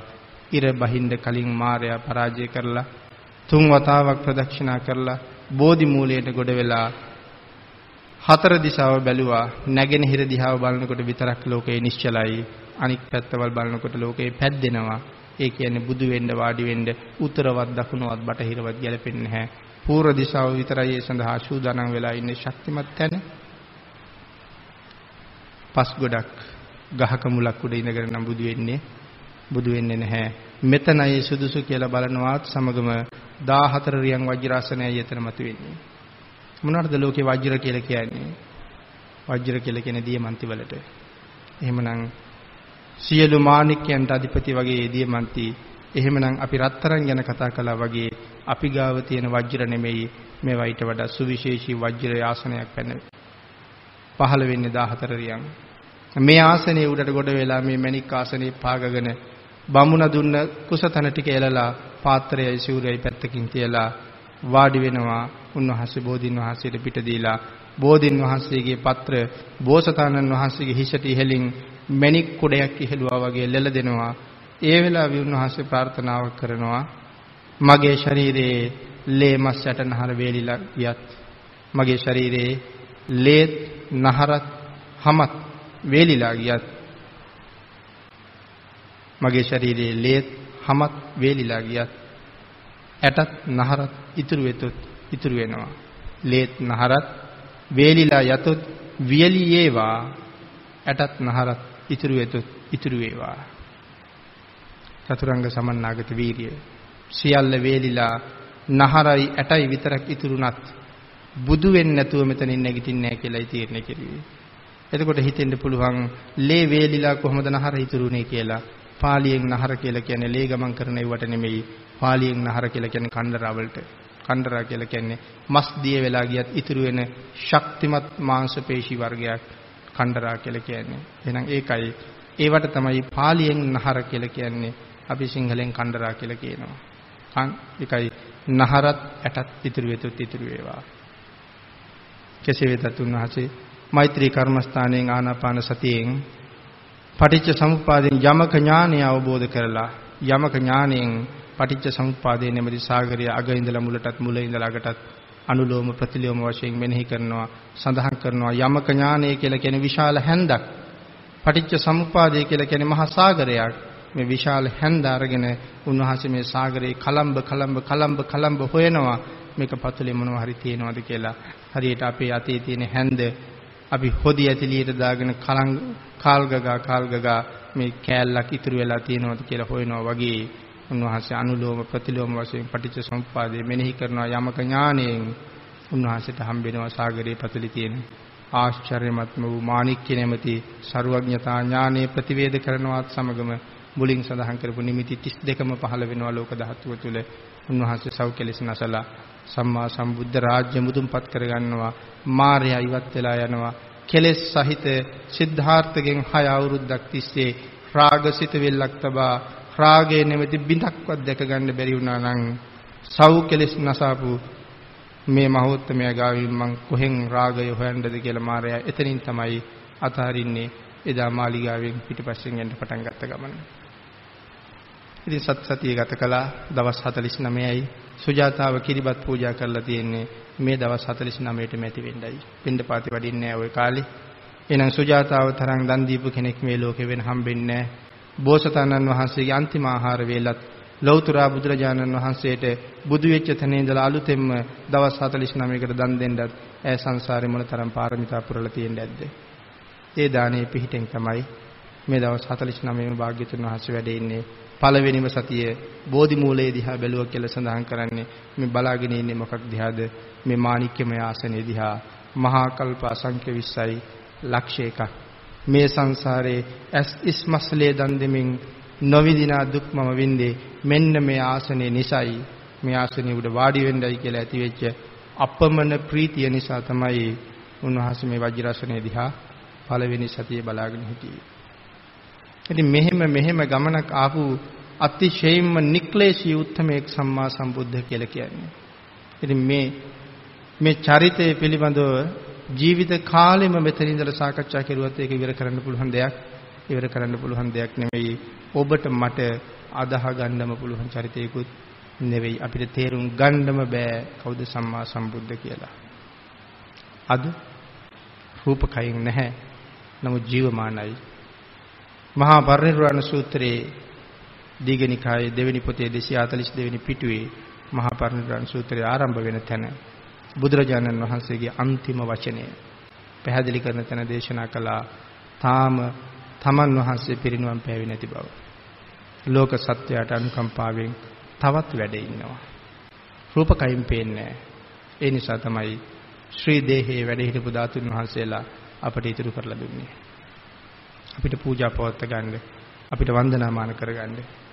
බුදු කෙනෙකුගේ බුද්ධ රාජ්‍ය සක්වලවල් කෝටි ලක්ෂයයි. ඒ රාජ්‍ය ඇතුලේ ඉරවල් කෝටි ලක්ෂයක් පායනවා හඳවල් කෝටි ලක්ෂයක් පායනවා. අපි විතරක් නෙමෙයි මනුස්ස ලෝක කෝටි ලක්ෂයක් තියෙනවා. මේ එකක්වත් නවීන විද්‍යාවෙන් නම් තහවුරු කරන්න බෑ. කවුරුවත් බටහිර විද්‍යාවත් එක්ක බුදුදහම සංසන්දනය කරන්න සංසන්දනය කරන්නත් එපා. ඒක මහ ලොකු පැටලෙවිල්ලක්. ඒක මහ ලොකු අහිංසකකමක්. මේ නිරය සහ දිව්‍ය ලෝක පිළිබඳව කරපු දේශනාවකදී මට ඒක මිනිස්සෙක් ලියුමක් කියවලා තිබුණා. ස්වාමීන් වහන්සේ ලෝකෙටම කරන දේශනාවකදී ඔබ වහන්සේ මේ වාගේ සාවද්‍ය ප්‍රකාශ කරන්න එපා කියලා. ඉතින් මේ නිරය තියෙන දුරයි දෙව්ලොව තියෙන දුරයි ගැන සඳහන් කරපු නිසා ඔහු සඳහන් කරලා තිබුණා මහ පොළොවේ විශ්කම්භය සතපුම් කීයක්ද තියෙන්නේ කියලා සඳහන් කරලා තිබුණා. නමුත් භාග්‍යතුන් වහන්සේ දේශනා කරලා තියෙනවා මහ පොළොවේ ගැඹුර යදුන් 42000 යදුන් 42000 ගණක් කියලා. 240000ක් කියලා. මහ පොළොව යටට ගැඹුරුයි සතපුම් 240000ක් කියලා තමයි භාග්‍යතුන් වහන්සේ පැහැදිලි කරලා තියෙන්නේ. ඒක බුද්ධ දේශනාව මිසක් අපිට වෙන කිසි විද්‍යාඥයෙකුට මේ සොයා ගැනීම දක්වා ළඟා වෙන්නවත් ළඟා වෙන්නවත් බෑ. විද්‍යාව කාලෙන් කාලයට වෙනස් වෙනවා. මෙතන ඇති 2000 අවුරුද්දට කලින් ඉස්කෝලේ ගිහිල්ලා විද්‍යාව ඉගෙන ගත්ත අය. එහෙම අය ඉන්නවා නම් ඔබට මතක ඇති ඒ විද්‍යාඥයෝ 2000ට කලින් කීවේ සූර්යයා ගමන් කරන්නේ නැහැ. සූර්යයා එක තැනක තියෙනවා කියලා. 2000න් පස්සේ විද්‍යා පොත් අරගෙන බලන්න විද්‍යාඥයෝ මොනවද කියන්නේ කියලා. 2000න් පස්සේ පොත්වල විද්‍යාඥයෝ කියන්නේ සූර්යයා ගමන් කරනවා කියලා. නමුත් මීට අවුරුදු 2660 ගණනකට කලින් මේ මහා වීරෝත්තමයන්න් වහන්සේ දේශනා කළා සූර්යයා ගමන් කරන බව. එhmenan බුද්ධ වචනේ එදත් සත්‍යයි අදත් සත්‍යයි. නමුත් විද්‍යාඥයන් ප්‍රකාශය කාලෙන් කාලයට වෙනස් වෙනවා. ඒ නිසා සංසන්දනය කරන්න බෑ. මේ විද්‍යාවයි බුදුදහමයි සංසන්දනය කරන්න කියලා පැටලිච්ච තැන් බොහොමයක් පෙන්වන්න පුළුවන්. ඒ නිසා මේ බුද්ධ දේශනාව ලෝකේ පරම ශ්‍රේෂ්ඨයි, පරම සත්‍යයි. උන්වහන්සේගේ ධාතුන් වහන්සේලා මහා ධාතු, මධ්‍යම ධාතු, කුඩා ධාතු කියලා කොටස් තුනකට බෙදුනා. මහා ධාතුන් වහන්සේලා ටික ඇරුණාට පස්සේ කුඩා ධාතු අබෑටයක් වගේ. මේ අබෑටයක් වගේ ධාතුන් වහන්සේ මේ ඉරවල් හඳවල් කෝටි ලක්ෂයක් පායන ප්‍රදේශයේ එක නමක් වැඩ ඉන්නවා නම් ඒ අබෑටයක් වාගේ එක නමක්. සඳහන් කරනවා භාග්‍යතුන් වහන්සේම මේ ධාතුන් වහන්සේ වැඩ ඉන්න තාක්කල් මේ කෝටි ලක්ෂයක් සක්වල ඇතුලේ කිසිම පසේ බුදුරජාණන් වහන්සේ නමක් කිසිම ලෞතර බුදුරජාණන් වහන්සේ නමක් බුද්ධත්වය ලබන්නේ කියලා. එයින් නොලබන හේතුව මේ අබ ඇටයක් වන් ධාතුන් වහන්සේ වැඩ ඉන්න හින්දා. එහෙනම් ඒකෙන් අර්ථවත් කරනවා තාමත් මේ බුද්ධ රාජ්‍ය ඇතුලේ මහරජුරු වැඩ ඉන්නවා තව කෙනෙකුට රජ වෙන්න අයිතිය නැහැ කියලා. එහෙනම් ධාතුන් වහන්සේ නමක් දැකලා වඳිනවා කියන්නේ සංසාරේ වෙනම පින් කරලා තියෙන්න ඕන දැකගෙන ශ්‍රද්ධාව උපදවල වඳින්නේ. එහෙනම් ඒ කරුණු ඊතරම් ආශ්චර්යයි. උන්වහන්සේ වෙනුවෙන් චෛත්‍යයක් හදලා පූජා කරන්නයි මේ පින්නතුන් විශාල පිරිසකගේ මහා බලාපොරොත්තුව. බොහොම ලස්සන චෛත්‍යයක් හදලා සම්බුද්ධ ශාසනයට පූජා කරත්. පින්නතුනේ අත්තදස්සී භාග්‍යතුන් වහන්සේ වැඩ ඉන්න කාලේ උන්වහන්සේ පිරිනවම් පාලා. එක යක්ෂ සේනාධිපතියෙක් බොහොම දුකටපත් වුණා. මම ලෝකේ ඉපදිච්ච කාලේ අඳුරු පහන් දැල්වෙනවා මිසක් සැබෑ පහන නිමිල ගිහිල්ලා. බොහෝම ਸੰతాපෙන් ඉන්නකොට සාගර කියන මහරහතන් වහන්සේ දැක්ක මේ යක්ෂයාගේ සිටවිල්ල. එහෙම දැකලා මේ යක්ෂයා ළඟට සාගර මහරහතන් වහන්සේ එනවා. ඇවිල්ලා අහනවා කින්නු සෝචසි මා භායි මගේ සහෝදරයා ඇයි ශෝක කරන්නේ? ඒ වෙලාවේ කියනවා බුදුන් පිරිනිවන් පාලා මං උපදිනකොට ශෝක කරන්න එපා. බුදුරජාණන් වහන්සේ ජීවමානව වන්දනා කරන්න ඕන නම් ඔබ හදන්න චෛත්‍යයක් චෛත්‍යයක් හදලා ජීවමාන සංඥාවෙන් බුදුරජාණන් වහන්සේට මේ චෛත්‍යයට උපස්ථාන කරන්න කිව්වා. බුදුන්ට උපස්ථාන කරනවා කියලා හිතාගෙන. අප්‍රමාණ ප්‍රීතියෙන් පිනා ගියා යක්ෂයා. මම සංකප්ප මඤ්ඤාය සාගරෝ නාම ශාවකෝ මගේ සංකල්පනාව දැක්කා සාගර නම් ශ්‍රාවකයන් වහන්සේ උන්වහන්සේ මට ඉදි කරන්න කිව්ව චෛත්‍යයක්. චෛත්‍ය හදලා අවුරුදු 5ක් මේ යක්ෂයා උපස්ථාන කළා. මැරිලා දෙව්ලොව ගියා.